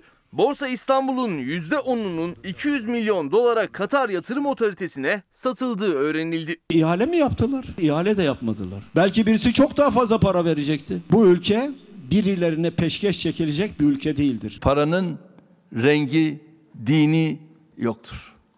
Para paradır. Saray hükümetinin eliyle milletin varlıkları, malı, mülkü Katar'ın üstüne geçiriliyor. Biz hiçbir zaman yatırımcının kimliğini sorgulamadık. Bunun rengi nedir? Dini nedir? Sormadık. Erdoğan yatırımlardan mutlu olun dedi. Katarlı kuruluşun dünyanın birçok yerinde yatırımı olduğunu söyledi. Muhalefeti hedef aldı. Zırvalıyorlar diyerek. Bu kuruluş dünyanın en büyük borsalarından biri olan Londra borsasının da yüzde on virgül üçüne sahiptir. Ama dünyanın hiçbir ülkesinde bu yatırımlardan dolayı Katar bizi ele geçiriyor diye zırvalayan kimse çıkmadı. Bu arkadaşlar haraç mezat 18 yıl içinde ne varsa sattılar. Şimdi burada İngiliz, Katar, Amerikalı, Alman ben ona bakmıyorum. Ben şeffaflığa bakıyorum. Mekanizmalara bakıyorum. Böyle ben yaptım oldu. Kimse sormasın. Böyle bir şey yok. Olamaz. Demokratik denetim mekanizmalarında böyle olamaz. Açık, şeffaf, rekabet koşulları sağlanarak kim bilir ihale açsalar %10'luk hisseye Katarların verdiği gibi 200 milyon değil de belki bir başkası 300 verecek, 400 verecek. Ha sonunda Katarlar belki daha fazla para vererek alacaklar. Şeffaflık istiyoruz efendim. Bu arada Hare Gülsoy aa, bir, bir görüşünü paylaşmış. Hare bugün Kagider Başkanı'yla da görüşeceğim. Kagiderlerle bir araya geliyorum. Özel bir çalışma. Yarına daha detaylı onun haberini vereceğim. Bu arada Hare Gülsoy da profesör oldu. Daha yeni. iki gün evvel. Onu da kutluyorum efendim. Ve Rasim Can Bolat Benimle Gezer Misin isimli kitabıyla bu sabah Demokrasi Meydanı'na katıldı. Kendisine de teşekkür ediyorum. Ve Cumhuriyet Gazetesi'de bir haber. Ne yağmur var ne buğday. Mustafa Çakır'ın manşeti. Türkiye en kurak Eylül ve Ekim'i yaşadı. Buğday ekilemedi, zeytin dalında kurudu. Anadolu kuraklığın pençesinde. Yağış bekleyen çiftçi toprak nemlenmediği için ekim yapamadı. Buğday ekimi gecikti. Ege'de yağışların yetersizliği nedeniyle zeytin gelişemedi. Çiftçi pahalı mazot ve kredi aldı. Yapılandırmaya gidemediği için traktörler traktörler ve tarlalar haczedildi diyor. Çiftçinin her zaman yanındayız, yanında olmaya devam edeceğiz. Sırada narenciye haberi var. Bir hafta önce hiç kimsenin ummadığı bir şekilde çöl sıcakları oldu. Örnekleri buradadır. Ağacın dibinde boncuklar yanmış durumda. Sıcaktan dolayı bu dibine dökülen meyvelerin e, Tarsim kapsamına girmiyor. İnşallah bunlar da tekrar gözden geçirilir. Geçtiğimiz Mayıs ayında çöl sıcakları narenciye üretimine büyük zarar verdi. O zaman kapsam dışındaydı. Artık çöl sıcakları tarım sigortası kapsamında. Turunçgillerin tamamının bu riske alınması, aşırı sıcaklıkların Tarsim kapsamına alınması sektörümüz tarafından memnuniyetle karşılandı. Antalya'da, Mersin'de pek çok narenciye üreticisi aşırı sıcaktan kötü etkilendi, zarar etti geçtiğimiz bahar. Yenice meyveye durmuş mandalina ve portakal ağaçları sıcak nedeniyle yandı, meyve daldan düştü. Sıcak hava zararı teminat kapsamında olmadığı için tarım sigortası çiftçiyi zarar etmekten koruyamadı. Bak şu anda görüküyor. Yanan meyvelerimiz. Devletimizden ricamız e, Tarsim kapsamında almasıdır. Üretici aşırı sıcak hava nedeniyle yaşadığı mağduriyetin afet olarak ele alınmasını talep etti. O dönem tarım sigortasının teminatı altında olmayan aşırı sıcaklar artık Tarsim kapsamında. Burada en önemlisi bütün üreticilerin beklentisi şu. E, Tarsim Tarım Sigortaları AŞ biliyorsunuz devlet destekli olarak e, üreticiye sigorta yaptırılıyor. Don, işte dolu, aşırı sıcak bunları kapsamıyor. Oysa bugün artık sadece Türkiye'nin değil dünyanın en önemli sorunlarından birisi bu oldu. 1 Ocak 2021'den itibaren çiftçi kayıt sistemine kayıtlı çiftçilerin ürünleri aşırı sıcak nedeniyle zarara uğrarsa tarım sigortası teminatı altında olacak, üretici zarar etmeyecek. Sadece sıcak hava zararı değil, dolu, fırtına, hortum, yangın, heyelan, deprem, sel, su baskını, yaban domuzu tahribatı, pamuk için hasat dönemi yağan yağmur, ayçiçeği için kuş zararı da dolu paketi içinde ek riskler olarak ele alınacak. Özellikle bundan böyle üreticilerimiz ve ihracatçılarımız aşırı sıcaklıklardan kaynaklanan zararlardan dolayı etkilenmeyecekler. Bu da son derece önemli bir gelişmedir. Şimdi tarım ve orman, üretici, besici, köylü haberleri vazgeçilmezimiz. Başka? Esnaf. Esnaf haberleri de öyle. Başka? Emekçi yani madenci. Onlara ilişkin de haberlerim var efendim. Bu arada korona ile mücadele kapsamında haberleri aktarmaya, konukları ağırlamaya devam ediyoruz. Serpil Dudu bizim Sivaslı, Mehmet'imin eşidir. iki çocuk annesi. Gayet güzel geçiyor evinde tedavisi. Ve aynı şekilde yine evinde tedavisi devam eden benim arkadaşım, can yoldaşım, kardeşim Serdar. Serdar Güzelaydın da evinde Covid tedavisini geçiriyor. Gayet iyi durumdalar. Efendim onlara da bir kere daha sizlerin aracılığınıza geçmiş olsun demek istiyorum. İnanan Baykuşların Matemi Veysel Dikmen'in yazdığı ve imzalayarak bize gönderdiği bir kitap ve sosyal medyanın manşetleri. Münferit Fikir platformunda gördüm. Yıldıray Oğur da retweet etmişti yani paylaşımını artırmıştı. Hanife Avcı diyor ki fikir ve düşüncelerinden dolayı tutuklanan herkes serbest bırakılmalıdır. Biliyorsunuz kendisi de FETÖ kumpasıyla cezaevinde yatan bir emniyetçi ve aynı zamanda devlet insanı, devlet adamı, valilik görevde bulunmuş bir insan Hanife Avcı. Oda TV'de bir haber gördüm. Son dönemde atılan adımları hatırlatan Saadettin Tantan, Türkiye'nin yeniden çözüm sürecine zorlandığını söyledi ve Oda TV'de manşet esas röportajda Yeni Çağ'da detayları vardı dün. Washington Post Türkiye'nin sihalarını değerlendirdi. Biliyorsunuz benim destek verdiğim ve önemsediğim projeler bunlar. Ankara'nın sınır dışı operasyonları kendi ürettiği sihalardan güç alıyor. Erdoğan neredeyse Orta Doğu'daki herkesin ödünü patlatıyor. Selçuk Bayraktar ulusal kahramana dönüştü diyor Independent Turkish. O kadar çok haber var ki yurt dışında onunla ilgili. Türkiye'nin savunma sanayinin yerlileşmesi konusunda son derece önemli ve herkesin desteklemesi gereken projeler, İHA'lar, SİHA'lar. Sol Haber'de bir manşet gördüm. Diyanet Sendikası Başkanı diyor ki 15 Temmuz'a kadar en çok kullanılan alan sahte hocalarla din alanıydı diyor. İşte böyle bir sözüyle manşetlerde. İzmir ağaçlar kesiliyormuş. Kıymayın efendim yapmayın. Hep kırmış abi kesmemiş. Bir çevre katliamı sanki. Öyle oldum ki e, doldum patlamak üzere biri yazık dese ağlayacağım. Şurada açtığınız yol neredeyse 100 metreye yakın bir alan. Neredeyse 100 metreye yakın bir alan. Bu ormana ne girecek? Ağaçların düzensizce kesildiğini öne süren vatandaş sordu soruyu. Bir milli park kadar sık ve yeşil kızılçam ağaçlarıyla kaplı Kartal Dağı'nda yapılan ağaç kesimi çevre köylerde yaşayanları isyan ettirdi. Şu doğa bir milli park. Burada e, ne yapılacak? Ne olacak? Otoban yolu gibi yollar yapılmış. Ve yapılmakta talan edilmiş. Ha duyduk e, o işte e, sağdan soldan.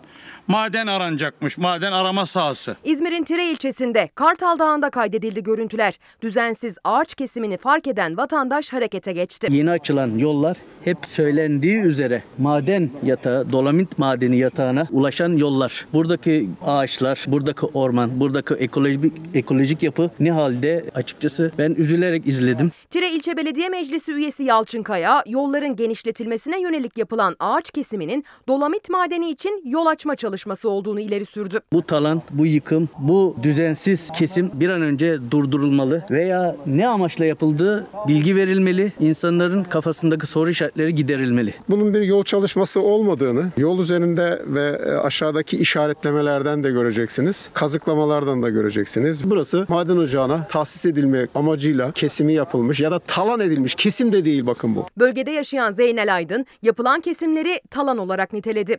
Gördüğü manzara karşısında gözyaşlarını zor tutan Büyükkale Köyü muhtarı Necdet Küçük kesimler konusunda bilgi talep etti.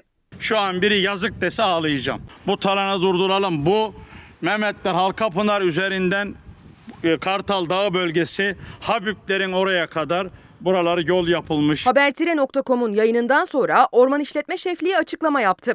Ormancılık faaliyetlerinin yapılabilmesi ve yangın halinde alevlere etkin müdahale edilebilmesi için yolların genişletildiğini duyurdu. Ancak vatandaş ikna olmuş değil. Bölgede madencilik faaliyeti ve orman tahribatı istemediklerini vurgulayan bir imza kampanyası başlattılar. Burada alelacele bir yol açılmış ve alelacele bu ağaçlar sanki e, bir an önce bir şeyleri yapmak amacı güder gibi yolun kenarına itilmiş. bunun takipçisiyiz efendim. Onu da peşin peşin söyleyeyim. Guguk Kuşu Hanifi Kartal'ın yazdığı yolladığı kitap. Halil Öztürk Parya Bir Milliyetçinin Anıları. Adil Serkan Satan'ın Düş Yakamdan Hayat isimli kitabı. Bakın bu kitaplar Çalar Saat ailesi tarafından yazılıyor, imzalanıyor ve bize gönderiliyor efendim. Bakın böyle içinde küçük küçük notlarla birlikte. Kendilerine çok teşekkür ediyoruz. İnsanlık Deneyi Erbu Kaya'nın yazdığı bir kitap. Bu arada Doğan Hız'dan sabah bahsetmiştim. Sedat Simavi ödüllerini kazanan bütün meslektaşlarımı kutluyorum. İçlerinden özellikle Beril Ötkan, Fox'un başarılı muhabiri ve Berkcan Tuğ, Fox TV'de 4 Mayıs 2020'de yayınlanan Evde Ekmek Yok adlı ortak haber programıyla Sedat Simavi ödüllerini aldılar. Kendileriyle gurur duyuyoruz efendim. Fatma Giri'ye bir selam söyleyelim mi? Hani Türkan Şoray'a söylüyoruz, Filiz Akın'a söylüyoruz, Gülşen Bubikoğlu'na söylüyoruz, Türk sinemasının sultanlarına söylüyoruz ya. Fatma Giri'ye bir selam söyleyelim, bir selam verelim. Bu sabahların bir anlamı olmalı.